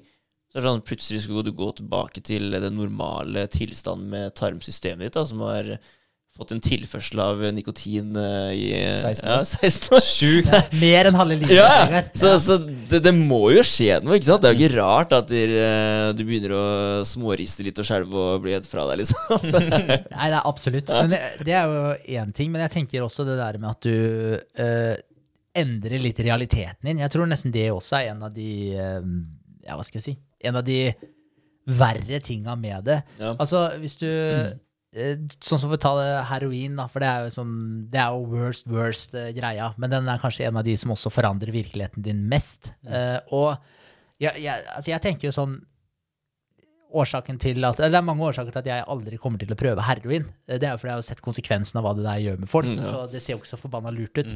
Men jeg tenker jo, jeg har ikke lyst altså Hvis jeg visste at jeg kunne teste det én gang uten å bli avhengig av det, så ville jeg fortsatt ikke gjort det. Fordi jeg vil ikke finne ut hvordan det er her oppe når alt er chill hele tiden. Fordi jeg vet at da har du fått en ny baseline. Og når jeg da kommer tilbake til det vanlige livet mitt, selv om jeg ikke ville blitt avhengig av det i det scenarioet her, så ville jeg fortsatt ha funnet ut hvordan det var her oppe når alt var chill, og nå er jeg tilbake til en litt gråere hverdag. Mm. Og jeg vil ikke ha det nye referansepunktet der. Og jeg tenker at det er litt sketchy, som, om, det da er heroin vi snakker, eller, eller om vi snakker veldig mye lavere på stigen her, vi snakker, hvis vi snakker om snus, Ja. så er det jo det at det, det skifter jo litt det forholdet. Altså når du ikke har snus der, så er alt litt kjipere. Så når du ikke har snus etter middagen, så er det liksom ikke like tilfreds fordi du ikke har fått den snusen etter middagen. Det er utrolig trist. Ja, Mm. nettopp. det er det. Så, det, så det mangler liksom den der lille greia, fordi du vet hvordan det er når du da tar det den eh, Kaffen eksterne- smaker annerledes, liksom. Ja, men ikke sant? Det er litt av greia der, da. Så jeg, så jeg tenker at det er eh, dumt å finne ut av hvordan det er på den andre siden. Mm. Bare drit i det. Bare vær på en måte tilfreds med sånn som det er her nå. Gjør det best mulig med det du har, da. Ja, Ja. så Ikke, ja, ikke sant, jeg skjønner det. Slippe å få en eh, god følelse av noe du ikke burde gjenta, da. ja. Og da, da tror jeg det, det du sier om å, hvis du hadde fått en mulighet da, til å ta heroin og ikke bli avhengig, jeg tror det, hadde, det, det er en umulighet. Fordi at du da har opplevd hvordan det er å være her oppe, så vil du automatisk tilbake dit. Absolutt. så jeg tror ikke du klarer å ta bort den der eh, avhengighetsbiten der. Tror nei, ikke. nei, jeg tror ikke jeg heller. Altså, da, du har jo det nye referansepunktet, Mm, og det vil jo være med å prege hvordan du ser på nåtida di, Mm. den faktiske realiteten din. Så du, du vil jo etterstrebe å komme deg tilbake dit igjen. Det er ikke sikkert du blir eh, heroinavhengig, men det, altså, som du sier, da, det, du har helt nye referansepunkter å forholde, forholde deg til, så kanskje du gjør andre valg da, som du ikke ville gjort hvis du ikke hadde testa det i det hele tatt. Mm. Så at det hadde påvirka deg på et eller annet vis. Ja, kanskje du fikk en følelse som du tenker at eh, det her kan jeg klare å jeg kan klare å løse på en annen måte, da. Mm. Ikke ved å ta heroin igjen, men kanskje jeg kan uh, skape den følelsen ved å få til noe annet. da. Mm. Ja, Så du begynner å jobbe mot det. Få en god følelse ved å klare noe annet enn å ta dop. da. Ja. Ja. Det, men det er jo kanskje den ultimate hacken i livet, er Ja. jo kanskje å finne ut Fordi du vet jo at du, du trigger jo dopamin også hvis du tar valg som bringer deg nærmere et mål som du har satt deg fram i tid. Ja. Så Hvis du da klarer å sette eh, fram et mål som er eh, stort nok, bra nok, og som du har eh, på en måte stegvise delmål du kan nå på veien dit, eh, som bringer deg opp og fram, Mm. så er jo kanskje den ultimate hacken å faktisk klare å definere det målet der, og klare å trigge den dopaminreleasen av at du faktisk jobber deg mot det målet. For Ja, da er det- jo den prosessen der du blir Avhengig, Avhengig, ja. ja. Mm. og Veldig ikke, sant. Ja, og ikke et eksternt eh, kjemisk middel av noe slag. Mm. Som gir deg en sånn super peak, da, og så en krasj igjen. Fordi at du Når du streber mot et mål, så fortsetter du gjerne arbeidet. Mens tar du kokain, da, så er det sånn super En realitet som er ja, tusen ganger bedre enn det, det den var. da Så kommer du tilbake til som du sier, den grå, kjedelige hverdagen, og så blir du litt deprimert istedenfor. Mm. Jobber du konsekvent mot et mål, så er du hele tida litt overpå. Og, og litt mer fornøyd. Og så er det fake, da. Ja, Altså, det det. altså hvis du tar en snus, det er jo, det er jo fake takknemlighet. Det er jo Det er fake, fake, ja. det er fake klapp på skuldra. Nå har du vært flink. Ja. Og, og det er jo så mye enklere å få de fake eh, triggerne i dag enn det det var før. Altså Hvis du ser 1000 år tilbake i tid, hvordan var det du trigga dopamin da? Det var jo å stikke ut og jakte. Mm. Få noe middag til deg og familien og, og triben din. Ja, Drepe en jævla bjørn, liksom. Da Ja. tok det av, ikke sant? Ja, ja. Ut og vinne småkriger mot andre nabostammer. Ja. Eh, ja, altså Ja, sant, Og så er det reprodusere, da. Reprodusere, Det er jo Ja. en av de største objektivene vi har her i livet. Det er jo å spise, drikke, reprodusere. Det er vel kanskje de tre øverste på, på dopaminrangstigen Og her. derfor vikingene voldtok så jævlig mye, vet du. De fikk så sykt med dopamin. eh. Uff, de ble avhengig av det. Ja, Ja. ja. Ja. Men, eh, men uh, det er jo det, altså den reproduseringa som du snakker om, og også hele tiden den her uh, konkurransen med hierarkiet i stammen din. Det var Ja, men det er sånn, jo overlevelse, ja, ja, og det var sånn du trigga dopamin før. Nå kan du dra fram telefonen din, du kan swipe Instagram og hele tiden tappe inn i det dopaminlageret ditt, eller snuse, eksempel. Ja, ja. Men, men å, å scrolle sosiale medier, det er jo akkurat det samme.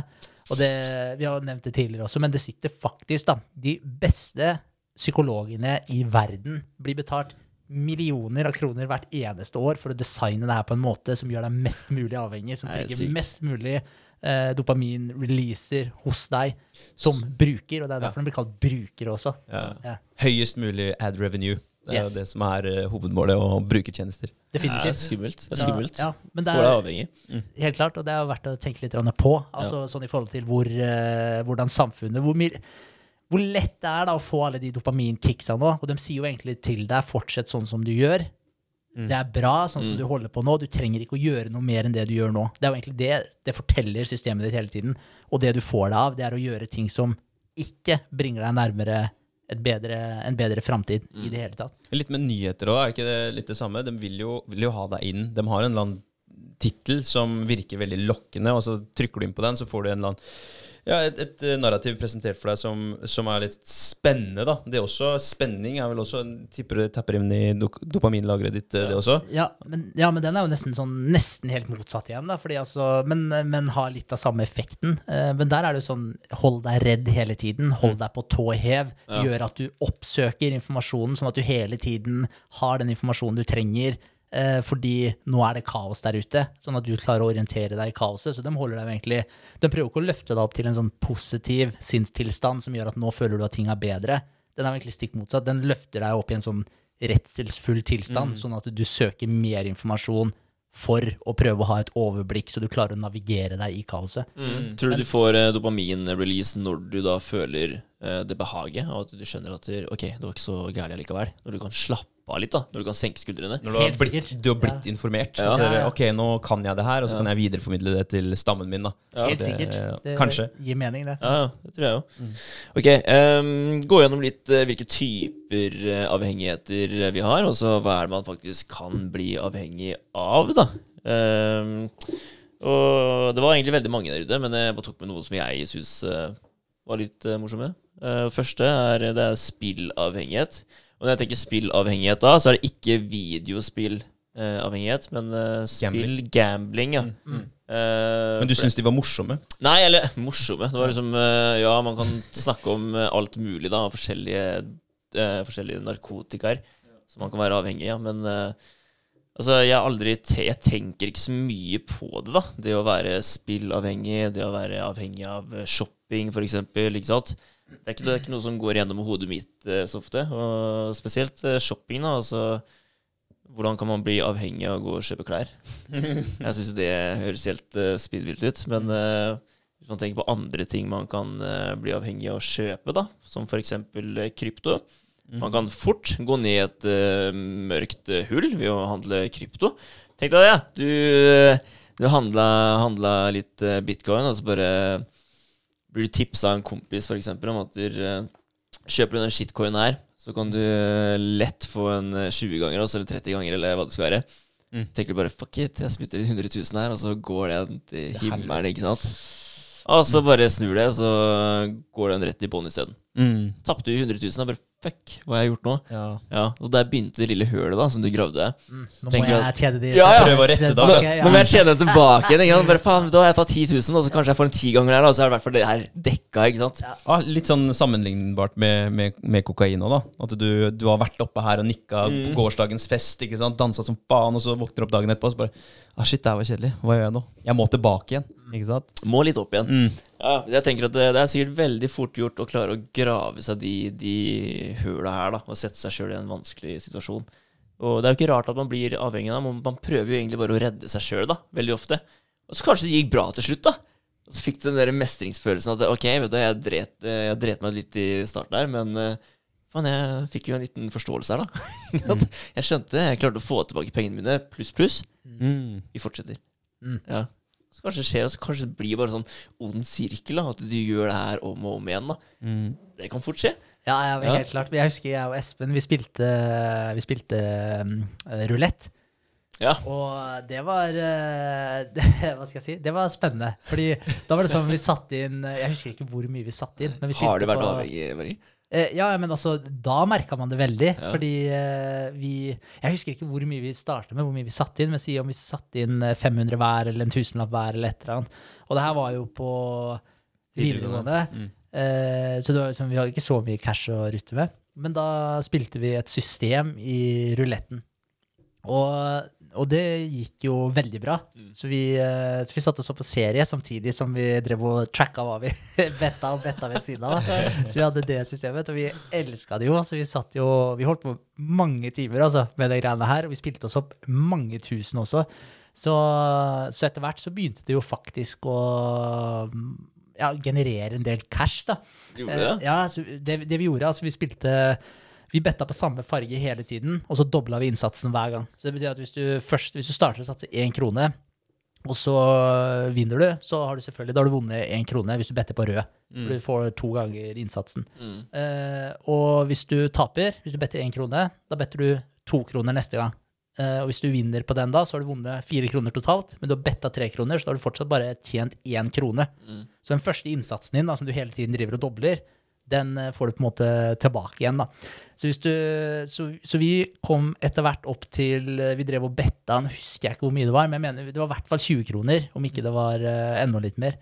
Så det betyr at det første gang vi betta 20 kroner, tapte vi. Betta vi 40 kroner, tapte vi 80 kroner, tapte vi 160 kroner. Der vant vi 320 tilbake. Ok, da har vi tjent 20 kroner. Mm, mm. Så, så, sånn holdt vi på. Men det som er problemet med det her, da, hvis du taper uh, seks uh, ganger på rad, så er det brått jævlig mye cash som du må bette inn ja. for å få de 20 kronene. Så du kan jo ha skikkelig uflaks da, at det samme farge, eller feil farge, eller grønn, da, kommer så og så mange ganger på rad. Mm. Eh, vi tapte her fordi vi faktisk vi falt ut av tellinga, dessverre, mens vi satt og så på den serien. Så vi ble caught off guard, så betta feil. Ja. Og da, så det endte med at vi tapte, da. Men vi spilte opp eh, mange titusener før vi tapte der. Men Shit. det som er poenget mitt da, med det her, det var jo at der, du merka hvor sjukt avhengig du ble av de greiene her. Fordi du får hele tida den der eh, dopamin-releasen ja. når du eh, Vinner. Ja, når du mm. vinner og ser om den treffer på riktig eller ikke. Da. Så det der var, du merka hvor sjukt avhengighetsskapet du har. Men både jeg og Espen er eh, hva skal jeg si, forholdsvis eh, Vi hadde bestemt oss på forhånd. Det er det her vi går inn med. Mm. Ferdig snakka. Og det mm. var, det var, vel det vi gikk inn med. Jeg er usikker på om vi prøvde en gang til senere. Men, eh, men ja, men når vi hadde tapt da, det var jævlig kjedelig merka det frista å prøve en gang til. Ja, ja. Det var sånn, nei, fuck it, gadd ikke. Jeg husker, jeg husker den tida der. Jeg, jeg var også innom eh, var det Poker Stars eller et eller annet sånt nå, og, og betta litt. Og en felles kompis av oss tre, han, eh, han var vel oppe i 60 papp, eller? Og Ja. tok ut 50? Ja, men jeg tror, jeg tror han tok, ut, eh, tok ikke han ut flere ganger. jeg. Ja, han gjorde kanskje det? Han, han tjente ja. bra med cash på det greiene Han tjente mye penger. Altså, ja. altså mye når vi var på den tida. Ja, men han- jeg, 50 jeg, løk i hvert fall en gang. jeg tror han tok ut mer. Altså, jeg tror han tok ut over 100. Ja. Ja, hvem snakker vi om nå? Eh, Eh, B-jerk. Beat jerk. Å ja. ja, ok. Ja. Shout-out til B-jerk. Litt kamuflert der, beejerk. jerk. Litt kamuflert, ja. Det var jævlig kult. Mm. Men poenget mitt var egentlig bare Jeg merka hvor sjukt avhengig man ble av det. Men det der er jo designa for å få deg dritavhengig. Ja. For det trigger den dopaminreleasen hele tiden. Ja, men det er vel spill generelt òg. Altså, hvis du spiller et spill, da, si Først jeg kom på Zelda eller eh, God of War eller et eller annet rollespill hvor du kommer til en boss, og så klarer du bossen. Så får du sånn uh, hyllest fra alle rundt deg. Og, altså, du, du føler en sånn herre ah, Shit, det her klarte jeg. Det er jeg god på. Da fortsetter vi. Du får, det gjelder jo uansett hva du spiller. Ja, Ja, veldig sant. absolutt. Det er det. det, er det. Men det er altså eh, en av de mest avhengighetsskapende da, innenfor spill. Mm. Det, er, det er lotteri. Skrapelodd på nett. Mm. Ok. Har dere gjort det før? Eh, ja. Jeg har gjort det mye, nemlig. Ja. Ja, altså Ikke nå lenger, da, men eh, jeg gjorde det før. Da har jeg skapt mine egne lotteritall Mm. som jeg spilte med. Og grunnen da, som fikk meg til å slutte med det, det var at jeg leste om en eh, Om det var dame eller mann, det husker jeg ikke. Som hadde gjort det her i mange år. Spilt eh, hver uke Mm. på de samme talla. Uh, og til slutt så tenkte den personen at eh, fuck it, ass, jeg orker ikke mer. Det er, eh, jeg vinner jo aldri. Holdt på med det her i mange mange år, vinner ikke. Og så gikk det litt tid etter den personen ga seg, og da vant tallene til den personen lotteriet. Med en annen da, som du brukte i tallet. Ja, og den svir. ja. Ja. Så det blir jo en sånn greie, da. Når du først har starta, og du har gjort det såpass lenge, så kan du ikke gi det. For Mm. du blir jo redd for at noen andre skal vinne med de talla du har brukt i så mange år. Da. Da tenkte jeg at fuck it, jeg må bare gi meg mens leken er god. Det tuller jeg ikke mer. Men eh, jeg spiller innimellom på sånn eh, 20 000 i 20 år, da.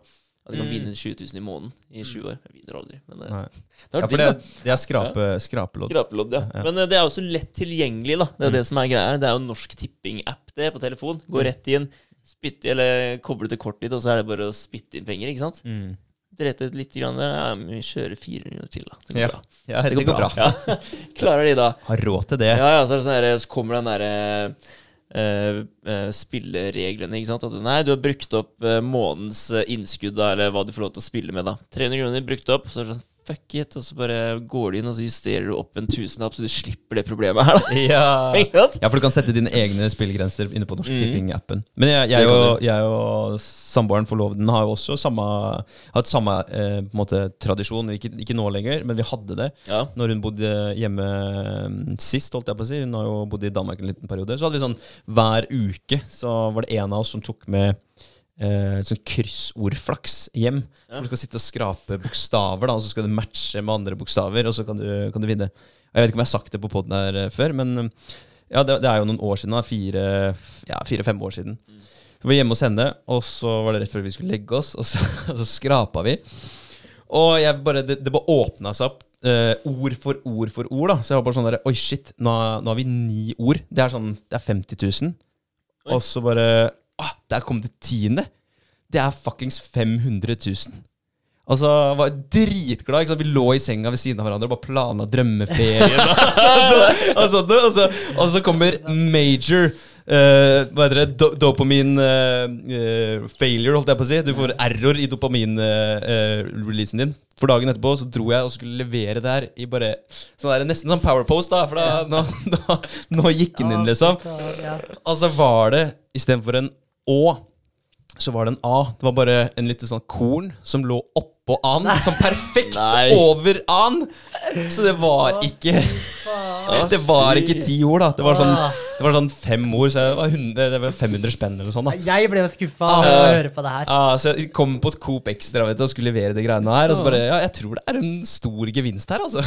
Og så var det 500 spenn. Å nei. Stakkars deg, André. Ja, Fy faen, ja, ja, ja. Det jeg fikk helt vondt. Ja, det var helt grusomt. Og tenk deg da den dopaminen du har skapt for deg sjøl, da. For det har du gjort. Du har en, det er en falsk dopamin-burst. Veldig. Ja. Veldig. Og så bare er det den krasjen etterpå.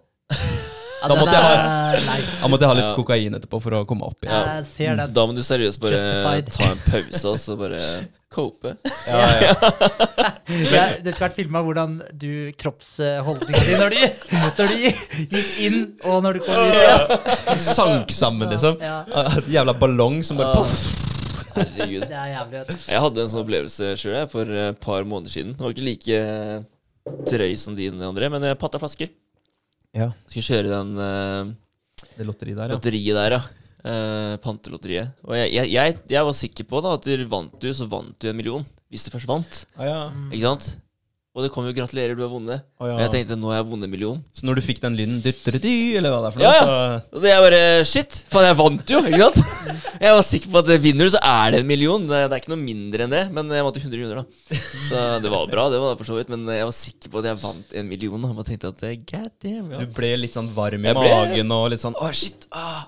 Det var i hvert fall Altså, 20 sekunder der hvor jeg tenkte at eh, nå har jeg faktisk vunnet en million. jeg kjenner den Ja. følelsen her. Så den var kjip, ass. Den var det. Men sånn er det. Sånn er det. Ja. Ja. Da lærer vi bare at uh, det er ikke Det er ikke noe som heter lettjente penger. Nei. Det er noen få som har eh, flaks. Der vil jeg kalle det flaks, faktisk. Ja. Og klarer å vinne den. Men utenom det så er det, er det som regel hardt arbeid som må til ass, for å få cash. Det er sant, det. Mm. Og så har vi sex, da, folkens. Som man kan uh, bli uh, avhengig av. Og der er det vel også en type er det, Kan man kalle det en sykdom, eller? En nymfomani, eller Ja, nymfomane. Ja. Ja. Ja. Er ikke det Ja, det er en, det er en eh, Ja, så det er sexavhengig. Det er jo en definisjon på det. Blir vi menn også kalt Er, er vi også nymfomaner? Ja. Hvis- Er vi det? Eller er det en kvinnegreie? Det, det, det er jeg usikker på. Jeg vil tro det. Ja. Jeg tipper det er uavhengig av kjønn. Tror Ja. du kan være både kvinne, mann, transseksuell, eh, nymfoman. Ja. Avhengig av sex, tror jeg. Skal vi sjekke definisjonen på nymfoman? ja, For det er ikke bare sånn at hvis en mann elsker sex, da, så er han bare en mann. Men ja, det, det kan det være. Det er et gammeldags ord som uh, betegnelse for unormalt sterk kjønnsdrift og seksuell utfoldelse hos kvinner. Ok, ja, det er hos kvinner. Du har rett, Vegard. Du har rett! Det mannlige motstykket til nymfomani er satyriasis. Ja, ikke sant? Ok. okay. Satyriasis. Det er sterke seksuelle lyster og behov hos menn. Man hører liksom aldri om det. Nei, det har vi aldri Nei. hørt Nei, jeg har ikke det. Jeg- jeg har aldri satyriasiske jævelen. eh, Plutselig utvikling av satyriasis hos et individ kan være symptom på fysisk lidelse, f.eks. hjernesvulst Oi. eller hormonforstyrrelse som følge av bruk av dopingmidler. Ok, Så hos oss er det faktisk Det kan være en svulst på hjernen, Ja, men hos er kvinner viktig. så er den bare gærne. Da er du bare gærne. Nymfomani, ja. Ja, ja. det er, det er vilt. Men, eh, men ja, altså man får jo eh, heftige dopaminreleaser av, å, av sex og av å se på sex. Altså Vi har jo det på telefonen vår, vi, som vi går med hver eneste dag. Mhm. Så det er utrolig lett å bare dra opp eh, Dra opp en eller annen random eh, side på telefonen og se på fine, flotte kvinnfolk eh, når du vil. Når enn du vil, tenkte jeg. Du kan, eh, Bare på Instagram så kan du jo scrolle og se flere nakne damer eh, på to timer enn eh, en eh, Hva skal jeg si En mann av høy status for 1000 år siden ikke kunne se i løpet av ti år. Ja, det Det er sjukt å tenke på. Ja. ja. Så den fyren som fikk mest fitte for, ti, eh, for 1000 år siden, er ikke i nærheten av det du kan få gjennom telefonen din på to timer nå. Nei, det er veldig sant. Jeg, jeg liker at du brukte ordet fitte, Henrik. Det var, eh, jeg, jeg liksom prøvde å holde det litt tilbake. Ja, ja, men jeg, jeg måtte i den settinga der. For jeg, jeg tenkte på det. Og så var jeg sånn, nei, men altså, det, er, det er det jeg ville kalt det akkurat i det tilfellet der. Du, Ja. var en podkast. Ja, det er, eh, det er usensurert. Nå følte jeg plutselig følte jeg at vi kan definere oss selv som ganske suksessfulle. Og Sånn, vi, er, vi er der en uh, supersuksessfull uh, keiser for uh, tusenvis av år siden. Vi er over det. Ja, ja, men han fikk, Ja, ta, det er han fikk ta på det, da. Ja, han gjorde det. Ja. Ja, ja, det er jo sant, da. Men, men ja, tenk deg det. Han som var mest privilegert og fikk flest damer, liksom. Han kunne ha sex med hvem enn han ville, helt sikkert. Det vil jeg tro. Han så færre enn det vi kan gjøre på en dag. På noen timer. Han så færre tits enn du har gjort, Vegard. Ja, det er sjukt.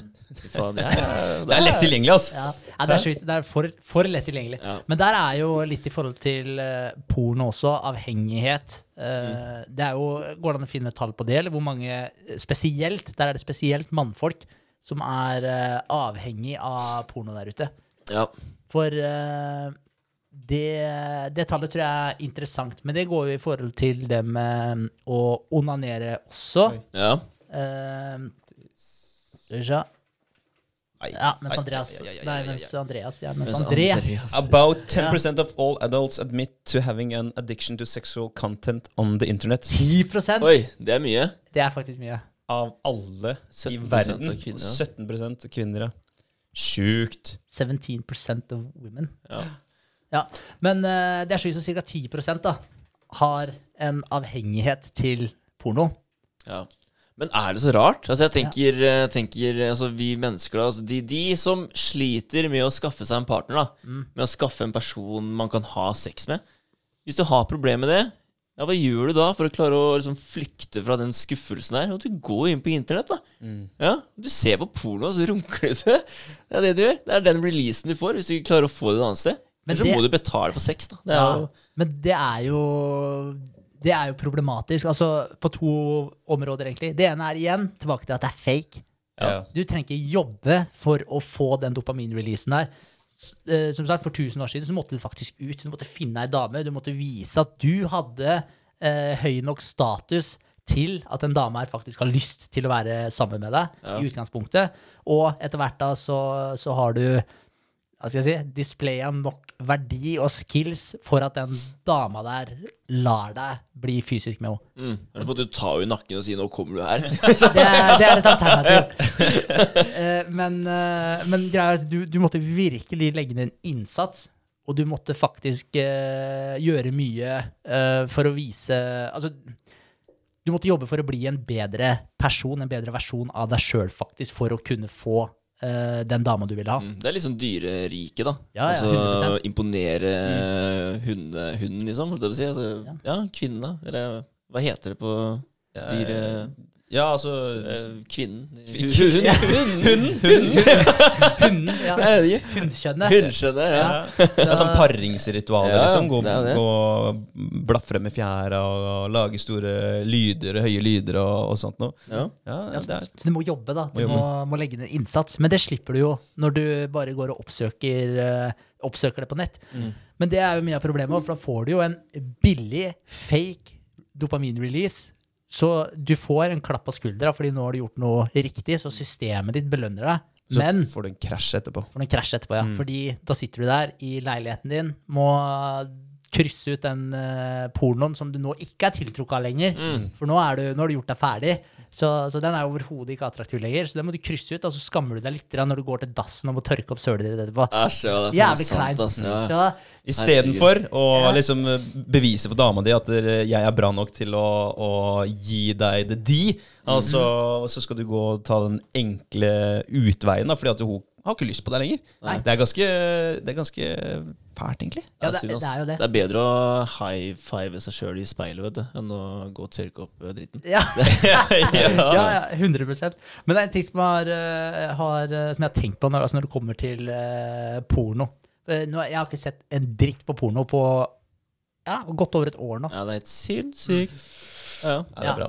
det er jeg, da. Men, Ja, men det var, det var en ting Altså, jeg vil aldri si at jeg har vært avhengig på den måten. Uh, det har ikke vært sånn at det har vært noe problem, men det har kanskje vært sånn at man har trukket litt mot det, fordi den derre Ja, igjen, da. Du får jo massive dopaminreleaser mm.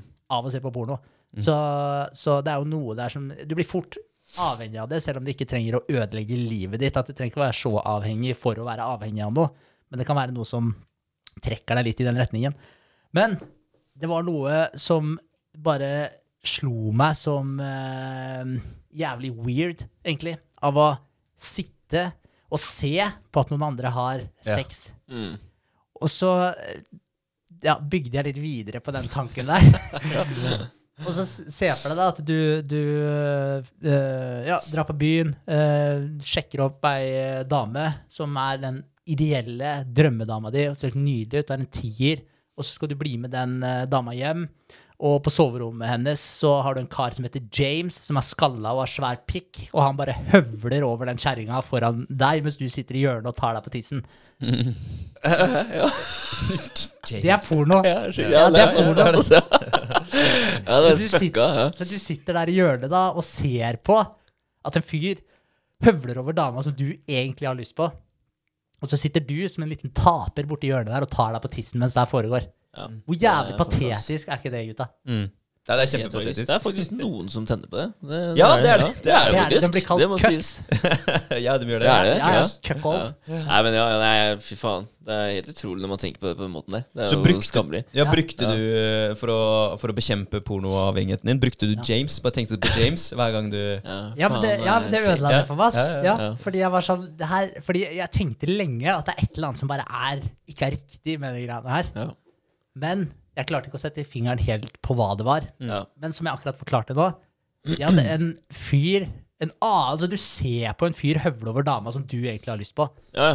Og så samtidig så uh, fjerner du lysta di, da, triggeren din, for å faktisk forbedre deg som mann mm. og skape en større verdi hos deg sjøl. Og bli en mann av litt mer status som faktisk damen har lyst på. Som du kunne brukt den energien og den testoen du hadde inne da, til å ta og kjøre en ordentlig treningsøkt. liksom. Bli litt mer fysisk attraktiv for damene. Men i stedet så valgte du å se på noen andre høvle over drømmedama di og droppe treningsøkta. Den, er, den der eh, versjonen der som du, som du eh, dro opp der, den, den har jeg brukt, eh, tenker jeg. Sånn når, når Kristin har bodd Når vi har bodd sammen, og hun har vært tilgjengelig, og, og liksom, ja, du kommer hjem fra en lang dag på jobb, og du har kanskje gjort det bra, og du har imponert folk, og du har, hvis du selger ting, så har du solgt ting, og ja, det er Du har hatt en bra dag, da, og så tenker du at ja, faen, nå skal jeg liksom feire. Ta en liksom eh, en uh, celebration wank. altså, altså, altså, ja, nå skal jeg det, det, her skal, det her skal jeg unne meg, liksom. Men, men da har jeg kanskje brukt den tilnærminga der. At der, ja, men jeg vil heller nyte det her sammen med, med Kristin. Og vil heller at hun skal ha lyst på å gjøre det med meg. Eh, sånn at der, eh, vi kan eh, ja, få nytelse av det begge to, da, og istedenfor at jeg skal gå og fikse på en måte biffen sjøl, eh, og vel vitende om at hun er tilgjengelig.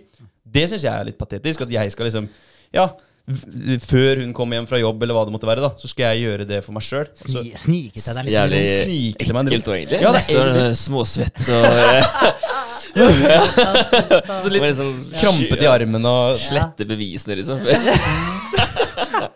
Vaske opp og tørke opp. Og, nei, det er ikke bra i det hele tatt. Nei, Så heller liksom, ja, som du sier, altså, over, overbevise da, dama di til å faktisk ta deg. Fordi altså, du trenger egentlig ikke overbevise heller, bare være god nok, som du sier, Henrik, til at hun har lyst til å, å være med deg. Og vil hun ikke det, da, da må du jobbe, da.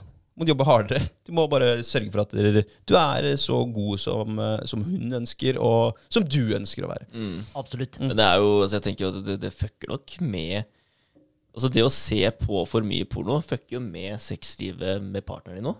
Jeg tenker at eh, du ser så mye, da. Mm. Altså hva, hva, er det man, altså, hva er vanlig sex, egentlig? Altså Det å ligge i misjonær og ha sex, da, og du tenker at det er For deg, da, så er det utrolig bra. Fram til du begynner å se på porno. Så bygger du opp en forventning Ja, ja, om det hva porno er, eller hva sex er. Hiver damene rundt og dem, eh, ikke sant? snurrer dem opp på toppen. Ikke sant? Det tar jo helt av. Det. James snurrer dem på fingeren. Og Ja, ja, du ser at eh, Fan, de damene elsker det jo, ikke sant? Så Du tenker jo at eh, Hvis jeg hadde fått til det her, så hadde jo dama mi elska det òg. Og så prøver du på sånne ting, og så mislykkes du helt, og så har du bare sjukt dårlig selvtillit. For å knuse selvtilliten din. ja, men jeg tenker det at det, det, det, er jo mange ting, stillinger i porno, som bare er Det er For ikke show. noe digg engang. Det er bare for show, da. Mm. Ja, så de, de deilige posisjonene som du egentlig likte fra før, eh, og som du som du kanskje mista lysten på å like, da, fordi du så andre ting som sikkert er mye fake da, Mm. på internett. Det bare fucka opp eh, den tilfredsstillelsen. da.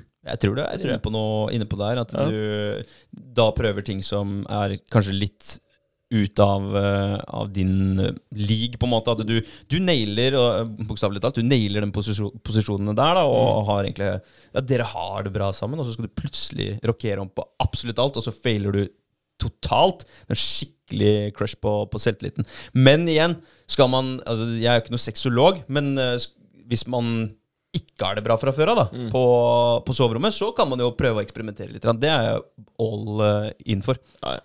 Det er veldig sant. Det er veldig sant. Til alle lytterne våre. Kan være Vær så snill, Ja. eksperimenter. Eksperimenter. Ja. Gi oss tilbakemelding. Men en annen eh, bakside med porno og sånn er jo i forhold til hvem du ser på også. Fordi du kan jo få helt fjerne uh, Hva skal jeg si standarder. ja, jeg har sletta loggen noen ganger. For å si det.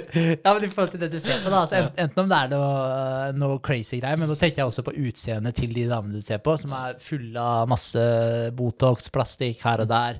Eh, de, de lever kanskje av det. Eneste de gjør, er å trene og, og suge kukk, liksom. Da, altså, de folka du ser på der, er det i nærheten av realiteten i det hele tatt? Eller fucker det da med bilder? Spesielt kanskje hvis du har ei dame også, som kanskje er top notch, utrolig pen, og så har du sittet og sett på noe som egentlig er nærmest uvirkelig på, på skjermen. Og da skaper du jo et helt uh, Hva skal jeg si? Et helt mm, Forvrengt uh, virkelighetsbilde. ja, yes, forvrengt virkelighetsbilde er en veldig fin måte å beskrive det på. Så er det også jævla urettferdig også egentlig overfor dama di. Og sånn som hvis samboeren min, hvis uh, Sofie hadde sittet og sett på uh, super top notch trente mannfolk hele dagen, ut og inn, så, så hadde jo ikke eh, jeg eh, nådd så veldig langt opp på den skalaen der til slutt, da, for du hadde hatt et eh, ja, repertoar av bilder Slutt, som var Du er jo godt helt- trent, du, da. Ja. Nei, Ser så bra ut, Henrik. ja, nei, dere Jeg vet at du fiska litt der. men, eh, men jeg skjønner hva jeg mener. Selv, om, selv om jeg da uh, trener og har en ok kropp, jeg er fornøyd med kroppen min, så er jo ikke det noen ting i forhold til de som har dedikert livet sitt til å få den kroppen til å se best mulig ut. Nei. Og da setter man jo uh, Ja, ikke sant, forvrenger igjen da virkelighetsbildet litt. Så man setter kanskje ikke like stor pris på det man har tilgjengelig. Nei. Og så tenker jeg vet ikke, jeg har dere liksom ofra noen tanker til det? Altså, det, er jo, det er jo mennesker. Altså, det er mennesker som som selvfølgelig har tatt noen valg som har gjort at de har endt opp i amatørporno eller eh, profesjonell porno eller hva det måtte være. De har tatt noen valg for å komme dit, selvfølgelig, men så skal du sitte der Aner ikke hva, hva for noen valg den personen har tatt. Skal du sitte og måtte dra deg i snoppen mens du, det er en sånn ja, kanskje 19 år gammel jente da, som ikke helt vet hva hun vil i, i verden. Altså, det er jo det er ganske sjukt, Mm. egentlig. For det er, du, du aner jo ikke alderen, du vet ikke hvor du kommer fra. Det er jo dattera til en person. Det er liksom Ja, ja, er søstera til en fucka, altså. Ja, det er jo dritfucka, egentlig. Ja. Men jeg, jeg syns det er så sjukt at du, hvor veien går, da. Altså, porno Ja, altså, ting blir så mye mer akseptert nå, da. Altså, det starta med porno, forskjellige sider, og folk kunne bli pornostjerne, jobbe med det her og tjene penger. Men i dag så har det gått over til at du- kan bare åpne din egen konto hvor du legger ut eh, videoer av deg selv eller bilder av deg selv som andre abonnerer på. Og du tjener utrolig gode penger på det her, da. Det er type Onlyfans. Onlyfans, ja. Ja, ja, ja. Ja, det er jo helt sinnssykt. Men en ting som, eh, som eh, bekymrer meg litt òg, er jo VR. Ja. Nå begynner jo VR-porno å komme for fullt. Og, det, og det er jo ikke langt ned i løypa før du har utstyr som du kan koble på deg, sånn at du føler ting i tillegg til det du ser. Ja. Altså Åpenbart så er jo ikke det lenge til du har et eller annet der. Spesielt, Ja, altså Det er sjukt, egentlig. altså sex, eh, Pornoindustrien, sexindustrien generelt, da. Den driver fram mye teknologi. Bildekvalitet og ja, Ja. VR og sånne type ting. De er faen meg langt framme i båten på, på akkurat det der. Ja. Men det bekymrer jo meg litt. Hvis du tenker på at 10% av befolkningen og kanskje det her er statistikk fra statene, men jeg tror ikke det er noe bedre i eh, Vesten generelt. Hvis 10% er avhengig av eh, porno, én av ti stykker, hvor mange av dem er det som ikke da går inn og begynner med å se på VR-porno? Og etter hvert, da, når det her begynner å ja, interagere enda mer med den som faktisk eh, benytter seg av det her, du får jo enda mindre Du får bare mindre og mindre grunn til å faktisk gå ut og finne deg dame. Mm. Hvor mange ubrukelige mannfolk blir det ikke i samfunnet til slutt? Ja. Det blir jo sammen- akkurat som eh, med drugsen der, da. Altså, det, vi- Absolutt. det fungerer ikke like bra nok å se gjentatte ganger på, på Pornhub, da. Du Mm. trenger noe mer, så da kommer VR-brillene, som gjør deg enda høyere dopamin-release, ikke sant. Så Absolutt. bare fortsetter det den veien der, da. Du blir bare dratt inn i det suget, vet du. Det er helt vilt. Og det, og det tenker jeg er jævlig skummelt. Ja. Sånn veldig skummelt. For det blir jo bare mer og mer virkelig og vanskeligere og vanskeligere å løsrive seg fra. Sexdokker. Ja, Ja, ja. Flashlights, som må komme.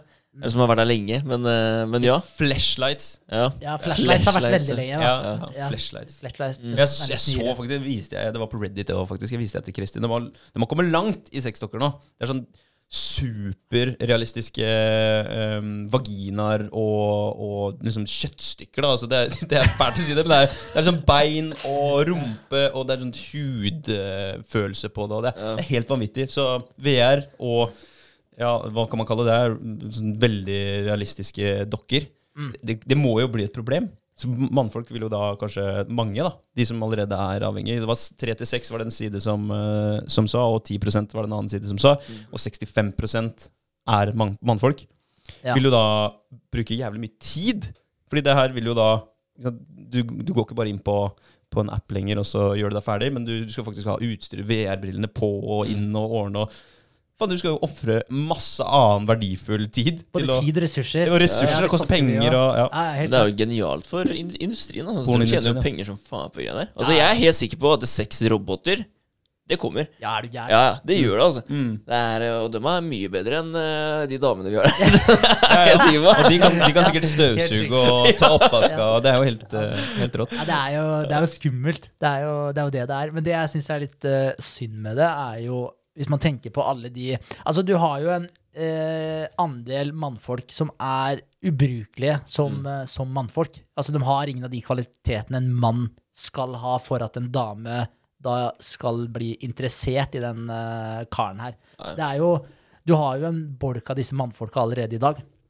Eh, men det er jo noen som har Jeg tror jo alle har et poten... Altså, alle kan gjøre seg eh, Skape en høyere status og gjøre seg mer attraktive ovenfor det motsatte kjønn. Alle har muligheten til å gjøre det. Men så er det selvfølgelig, har man litt forskjellig tak da, i forhold til eh, hva, man, eh, hva man har blitt født med. Det er mye gener selvfølgelig som spiller inn også.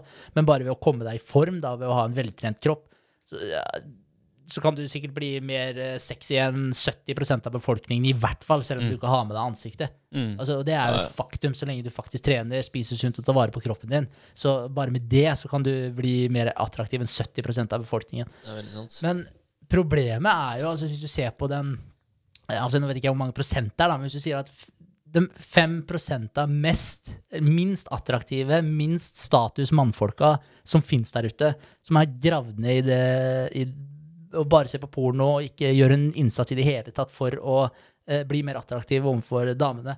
Men så har du jo en prosentandel over her igjen som egentlig har et potensial. De har et mye større potensial enn de 5% i bånn. Mm. Og si om det kanskje er 10 kanskje det er 20 kanskje det er 30% over her, da. Med mannfolk som har et potensial, som virkelig kunne, hvis de bare hadde dit, eh, altså noen av disse aktivitetene sine, som å sitte hjemme og, og nappe løken, se på porno, som har droppa det her, heller dratt på treningssenteret, heller begynt å bruke tida på å lese seg opp på litt mer eh, om kosthold, trening, eh, brukte pengene som de egentlig ville brukt på sex, leketøy og utstyr eh, og abonnementer på diverse sider, eller betale Onlyfans-modeller. Mm. I stedet bruke det å investere de pengene og ta noen kurs og så videre som faktisk bygger opp deg eh, som mann, og bygger opp verdien og statusen din i samfunnet. Hvis den prosentandelen da, som er, kall det den der limboen her, mellom at de hadde de tatt ett steg til høyre og kommet seg ut på den ene retningen, da, hvor de hadde brukt tida si mer fornuftig, eller om de da tar steg til venstre og går inn i den porno-VR-verdenen og blir sugd opp i det, det er den prosentandelen der med mennesker som jeg egentlig er bekymra for. For tenk deg hvor mange ubrukelige mannfolk som ikke klarer, da, ikke har den rette veiledninga, som ikke klarer å ta det riktige valget om å ta avstand fra det her og gå i den mer produktive retningen, som havner inn i det sporet her og taper da Altså, du blir jo introdusert med de greiene her fra du er liten, ikke sant? Om du er 14 år, om du er 15 år, eller hva det er for noe. Nå har faen meg folk smarttelefoner fra de er åtte år gamle. Ja, ja, altså, de har tilgang til det her fra de er åtte år gamle. Det skjer så tidlig. Det er jo helt helt sinnssykt. Pilotfrue har eh, fra de er to år gamle, tror jeg. Jeg vet ikke om dere hørte rykter om det. Sånn influenserverden. Fikk det i, i kalendergave. Ja, det helt, iPhone. Ja, det er jo helt, To altså, år. det er jo helt Det sinnssykt. sykt. Men, men det er liksom sånn alle, Hvor vanskelig er det ikke å styre da i den produktive retningen når du er 30 år og, og har eh, mer kunnskap og mer forhåpentligvis, da, spørs litt hvilke valg du har tatt, men forhåpentligvis litt mer selvdisiplin enn du hadde når du var 14 år. Det er jo enklere for en 30-åring å ta det valget om å gå i den mer produktive retningen enn det nødvendigvis er for den 14-åringen som har blitt overøsa med dopamin og får tilgang til alt de greiene her. Så jeg ser for meg at det, den utviklinga eh, i pornoindustrien, og den kommer til å suge opp så ekstremt mange flere mannfolk inn i den bobla og gjøre dem mindre attraktive, Mm. lavere status, og, og egentlig bare ødelegge mulighetene deres for å få noen attraktive partnere, eller få noen bra damer da, på sikt. Og som også da fucker opp for damene, fordi damene ikke da har det samme eh, mangfoldet av eh, mannfolk har status da, som de kan velge mellom. Mm. Så, så, den, så den er jeg litt bekymra for altså, Ja. i framtida, når du ser hvor mange som er avhengig av porno i dag, sånn som det er i dag. Men der har jo, så hvis man tenker eh, på oss som eh, mannfolk, eller som, eh, som kvinner, som fedre og mødre, et jævlig stort ansvar, egentlig. For jeg tror mye av årsaken til hvordan vi blir som mennesker, er den oppveksten vi har hatt, og det miljøet vi har vært i over tid. Bare se på, på fysisk aktivitet, da. Ja. 75% av eh, barn med foreldre som har vært fysisk aktive, Good. blir også fysisk aktive. Jeg tar litt til, Vegard. Ja. Ja. Så der er det en veldig veldig god sånn eh, butterfly-effekt eh, fra, fra foreldrenes side. Og det var det snakka om i stad med tanke på røyking også. Jeg er he- 100 sikker på at hvis, eh, hvis jeg røyker og snuser masse eh, selv om det ikke er rundt kiden min, men han får det med seg på et eller annet vis. Ser snusboksen, ser eh, at jeg fikler er med ja. Hvis, jeg, hvis jeg har en snusboks, da, ser at jeg fikler med den og tar opp og ned og tar den ut før jeg skal holde den osv., for de vil ikke ha snus på han liksom, og greier. da. Men, men den er der, ikke sant? Den er en del av, av livet hans. Og, og der tror jeg det samme med porno også. Få gode verdier tidlig inn. Og lære dem at dere, altså, du som mann skal, eller kvinne, da, skal bli den beste versjonen av deg sjøl for å kunne fortsette å skape nye, gode generasjoner nedover i, i, i eh, slekta. 100 Veldig Så vi må bare minne de fremtidige kidsa våre på James. Det er ikke James. fett å sitte i hjørnet og se på James høvle over den framtidige kona di. Ja, for han er full av selvtillit, ikke sant? Han Han er har eh, selvtillit. bygd opp muskulatur og tatt vare på kroppen sin, og så Ja. tjener Du skal penger være på det. da. James. Du skal være, ja, Vi får inn i pornobransjen. Da skal du i hvert fall være James, ja da. Enten eller. Ok, uh, Den siste, siste type avhengigheten jeg har uh, tatt med her, det er jobbavhengighet. Ja. Ja. Karachi betyr død pga. Over overarbeid på japansk. Hvor eh, 10 000 mennesker dør hvert år fordi de jobber for mange timer. Sjukt. Det er ganske sjukt. Men er det sånn, tar de livet sitt, eller dør de av Nei, vet du, Det sto det ikke, men ja. jeg, jeg kan nesten tenke meg at det er en eh, god blanding av det. Ja. At uh, flere Du kan søke opp det. Karachi. Hvordan skrives det? Uh, rett ut. K-a-r-a-c-h-i. Ehm, suicide, eller? Nei. ja, for, det, for det er vel i flere asiatiske land Ja, hvor, de har, eh, Skrive overarbeid, da. Eller hvor, de har hatt, uh, hvor de har helt sinnssyke arbeidsvilkår, så er det ekstremt mange som uh, tar livet av seg. Ja. Er ikke det i uh, 10 10 000. 000 mennesker? Ja, 10 000 mennesker, ja. Ja. Men var det ikke altså, Vi kan jo finne ut av det på, mens vi snakker her. Var det, ikke, Ja. er det ikke et selskap som har et sånn sinnssykt høyt antall av folk som bare hopper ut av vinduene? Er ikke det et, eh, en business i, i Asia eller noe sånt? En fabrikk eller noe sånt noe? Kan godt det det? Jeg vet bare at de har satt opp Ja. nett Ja, det var det. rundt flere bygninger. Ja, fordi det ja, for rett og slett folk, da. Ja, ja, for å Ja, ikke Hva skal jeg si? Prøve å unngå at folk klarer å ta livet av seg. Det er ganske sjukt. Men jeg, altså, jeg får ikke helt det her til å funke, da. Altså da, da har du, da har du jobba, da har du jobba x antall dager i strekk, tenker jeg. altså Hvis du sitter på kontoret ditt og bare 'Faen, det orker jeg ikke mer', og så bare stuper du ut av vinduet. Ja, det er jo helt sinnssykt. Ja, men det er den, det er den her jeg tenkte på. The Ja. Foxconn Suicides. Ja. Were a spate of suicides linked to low pay and brutal working conditions at Foxconn City Industrial Park, Shenzhen, China. Mm. Så her var det jævlig mange da som eh, tok, livet, tok livet sitt. Det er en ganske lang liste her fra ja, 20... Mm, ja, før 2010. Ja. Ja, Og sykt. kaster seg fra bygningene. I 2010 var det 1, 2, 3, 4, 5, 6, 7, 8, 9, 10, Survived. 11, 12 Ja. Stakkar. Ja, ja, typ 15 stykk da i, i 2010 på én arbeidsplass. Det er ganske drøyt. Ja, det er vel sinnssykt. Men da tenker jeg det er, det er mye som ikke stemmer når du Ja, det må det være. ja, det, er jo ikke ba, det er jo ikke bare jobben, men da kanskje jobben din krever så mye at du faktisk ikke har muligheten til å ta vare på de andre aspektene ved livet ditt. Ja, Når du bare prioriterer bort eh, familie og barn og alt som er, da, da er det bare jobb i fokus, eh, sikkert, Ja. for å klare å tilfredsstille sjefene dine. Men du skal jo ikke så langt, da, så hvis du bare drar til Frankrike eh, vi, har jo, altså, vi jobber jo for et fransk konsern i Nexans, og i Frankrike så har de en helt annen arbeidskultur enn det de har eh, i, eller enn det vi har i Norge. Okay. De jobber jo basically, de har to økter hver dag, så de drar ofte hjem eh, når de har eh, De drar hjem en time typ, da, midt på dagen, hvis de har muligheten til det. Eh, Eller så drar de ut og spiser en lengre lunsj osv., så videre, sånn at de får en sånn time, halvannen til avbrekk midt på dagen der. Og så jobber de en god økt igjen, da, kanskje til seks-syv på kvelden eller noe sånt. Ja. Hver dag. Og, og der også er det en kultur at du drar ikke hjem før sjefen din har dratt hjem. Å ja. Så, og, så da er det jo ofte at du sitter og jobber egentlig mye lengre bare fordi du egentlig venter på at sjefen din skal dra hjem også. Det er, altså det er veldig forskjellig fra, fra Norge. Men du kan jo tenke deg der òg, hvis du drar ut og spiser en lunsj, og hvis ikke du har muligheten til å dra hjem fordi du har en del reisetid, og så drar du ut og spiser lunsj, kanskje du drar med kollegaer, kanskje du sitter og slapper av litt, så skal du tilbake på jobb igjen, og så kommer du hjem, og så har du kanskje litt reisetid, så kanskje du er hjemme sånn åtte, kanskje ni på kvelden. Og så er det typ bare å få i deg noe mat og legge deg igjen før du skal gjøre de greiene her. Det er livet ditt, igjen. liksom. Ja, Mm. du får jo ikke mye tid da, til å ta vare på familie og venner. Absolutt ikke. Men, eh, men altså, hva, hva er vanlig der da? Er det vanlig at eh, kvinna er hjemmeværende? Eller jobber både, både mann og dame i husholdningen der? Tipper sikkert at begge jobber der også, men ja. jeg vet ikke. Men jeg tipper eh, sikkert at begge gjør det. Ja, Skaffe seg en uh, au pair, Fleste da. ja. ja. Jeg har lyst til å cash nok til det, så. ja, ja. Men, uh, Nei, men det er ganske sjukt da, at det er sånn noen steder. I hvert fall når man ser på hvordan vi jobber, da, og hvordan ting fungerer for oss. For det er, det er store forskjeller eh, rundt omkring. Altså. Jeg vil si at eh, arbeids... eh, hva heter det for metodikken vår, eller hvordan vi faktisk arbeider med timer osv., den, den, den er ikke så tung. Nei.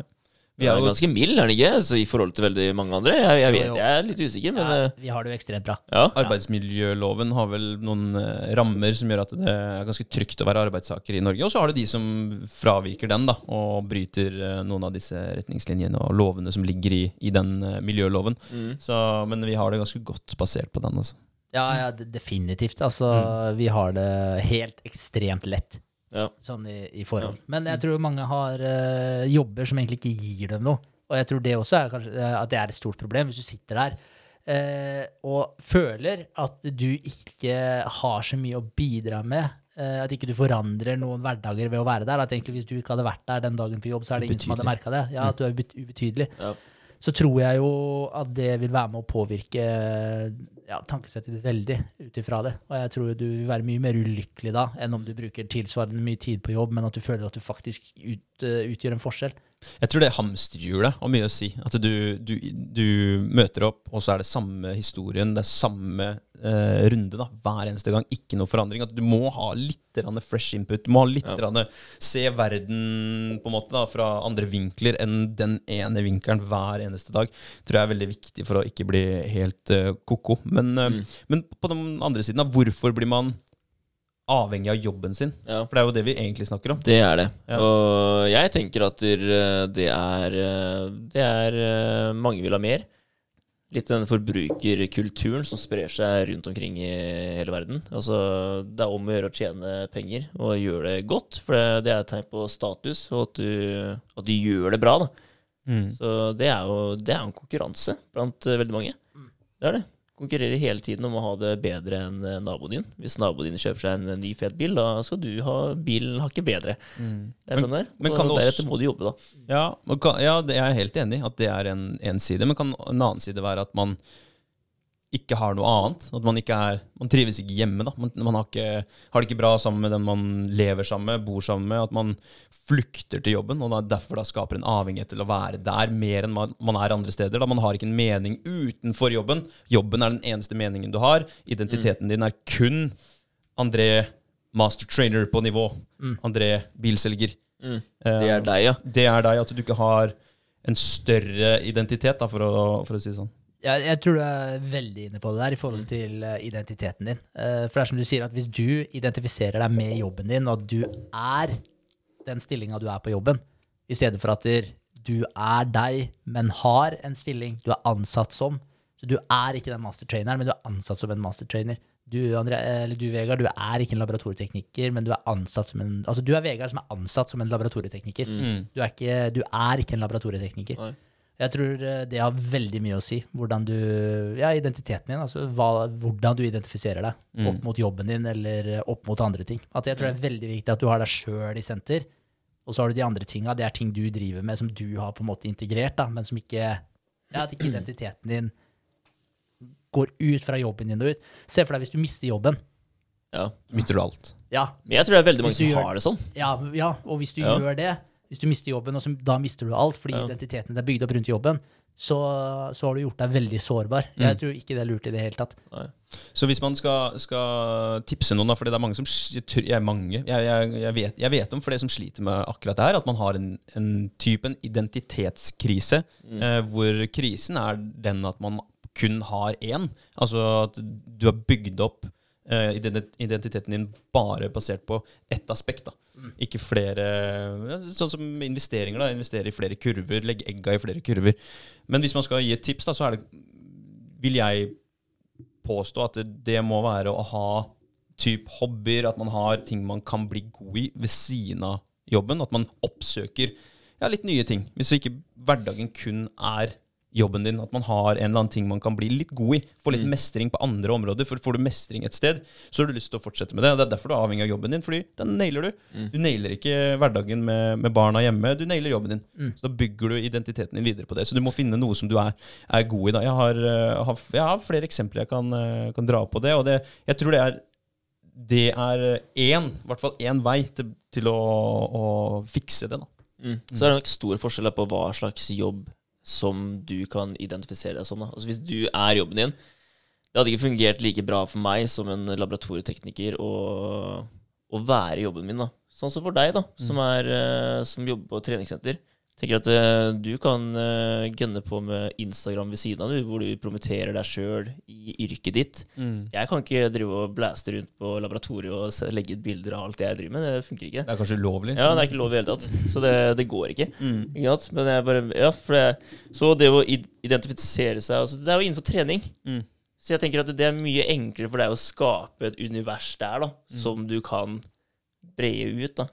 Men hadde, hadde, jeg hadde jeg gjort det, og om jeg gjør det, og når jeg innimellom gjør det, da, for Ja. eksempel, så, så, så er det ikke Da dyrker jeg jo ikke bare jobben. Da blir det, da blir det André jeg dyrker opp, ikke bare nivå. Mm. Ja. Så da er det jo Da har jeg både og da å stå på, på en måte. At man har flere ting å, å føle ja, for du, du bygger en følelse rundt det du driver med, en positiv følelse rundt det du driver med. Og det tror jeg kanskje er nøkkelen du, om det er en hobby, eller om det er eh, trening, eller hva det måtte være. At du ikke bare har én ting som Mm. trekker deg i en retning, men at du har noen andre ting du kan knytte følelser opp mot. Mm, helt, helt klart. Eh, Jeg tror grunnen til at mange sliter med akkurat de tinga der òg, tror jeg, jeg tror rett og slett det er fordi folk ikke bruker nok tid på å tenke ut de tinga her. Mm. Så eh, Det som du sa i stad, André, i forhold til at det er på jobben du får mestring. Mm. Og det gir jo mening, det. fordi altså, du Bruker har- masse tid på det. Ja, du har tatt en utdannelse, da. Mm. Og så kommer du et sted hvor du får veiledning i forhold til at ok, du har på en måte inngått en kontrakt, du har solgt så mye av tida di hver eneste dag til den arbeidsgiveren her, mot at du får så så mye penger hver dag for den jobben du gjør. De vil jo selvfølgelig ha ut verdi av deg som arbeidstaker, og det ender jo med at de gir deg oppgaver som vil bringe verdi til bedriften igjen. Eh, og da får du veiledning, og når du da klarer de oppgavene som du, som du får av arbeidsgiveren din, så får du den dopaminreleasen, du får den klappen på skuldra, du får positive tilbakemeldinger osv. Og, og, da, og da, er det jo, da føler du at du har progresjon på det området der. Så det er veldig naturlig at det er mange som får den tilknytninga til jobben, og at den betyr ekstremt mye for deg. Men hvis du hadde hatt en litt mer bevisst tilnærming til det her på eh, privaten også, og tenkt ok, du har to, tre store paraplyer. Du har eh, den eh, eh, finansielle paraplyen, og så har du forhold og relasjoner, og så har du helse. Det er på en måte de tre hovedkategoriene der som de fleste andre kategorier faller inn under. Og da er det å tenke litt ok, hvordan gjør jeg det på det finansielle området, hvordan gjør jeg det på, det, på helseområdet, og hvordan gjør jeg det på forhold- og relasjonsområdet. Og hvis du setter deg sjøl i senter der, og faktisk evaluerer hvordan du gjør det på de tre frontene der, så starter du å bygge opp den identiteten rundt deg sjøl, istedenfor at du ikke tar stilling til det i det hele tatt. Og så får du som sagt alle de at du føler alle fremskrittene du gjør, dem gjør du på jobben din. Og da begynner du å bygge opp identiteten din kun rundt jobben din i stedet. Jeg tror kanskje det er der mange faller inn i den fella. da, At de ikke Mm. tar et steg tilbake, setter seg ned og faktisk tenker hvordan gjør jeg det der, hvordan gjør jeg det der, hvordan gjør jeg det der. Ja, for når er det man har det best med seg sjøl? Jo, det er jo når du, du og partneren din har det bra sammen. Når du har en økonomisk buffer, at du ikke sliter med regningene. Og når du føler deg frisk. Altså hvis du har en frisk kropp og en fri, et friskt hode, penger i lommeboka på kontoen, og du og partneren puler og har det bra, altså da er det altså, Da er det leker bra. jo livet. Ja, Ja, ja. Så Du har aldri, tre aldri så god selvtillit som når du ser på deg sjøl naken i speilet og er fornøyd. Det er, eh, den, er, den står jeg fast. Altså. Ja. Ja, Jeg er litt enig, men du må ha med lommeboka, da. Feit lommebok. Ja, Stå og vifte med penger. ja, Helt klart. det er jævlig bra. Ja, ja. Nei, men uh, Ja, bra. Det er, uh, vi har egentlig kommet oss gjennom det jeg ville gjennom uh, i dag. Ja. Det- Det er et sykt eh, interessant eh, tema. En sykt interessant pod. Og kunne sikkert ha, ha snakka om flere aspekter ved avhengighet, men eh, vi har brukt en time og tre kvarter, og det var det vel verdt. Absolutt. Sant. Så bra, gutter. Ehm, nei, har du noen siste ord, Vegard? Nei, vi ses om eh, Hva er det for noe? Er det To uker. to uker? Ja. Ja. Det er nesten litt synd nå. Det er det. Ja, Ja. ja, det Ses om er, to eh, uker. Ja. Jeg er litt avhengig av den Ja. ukentlige poden, egentlig. Så Ja. jeg får sette meg ned og ha en pod med meg sjøl, tenker jeg. Ha de tre paraplyene og diskutere litt og, om en ukes tid. Det er det. høres fornuftig ut. Ja, All right. Takk for uh, Takk for praten, boys. Takk for praten. Ha det bra. Ha det godt.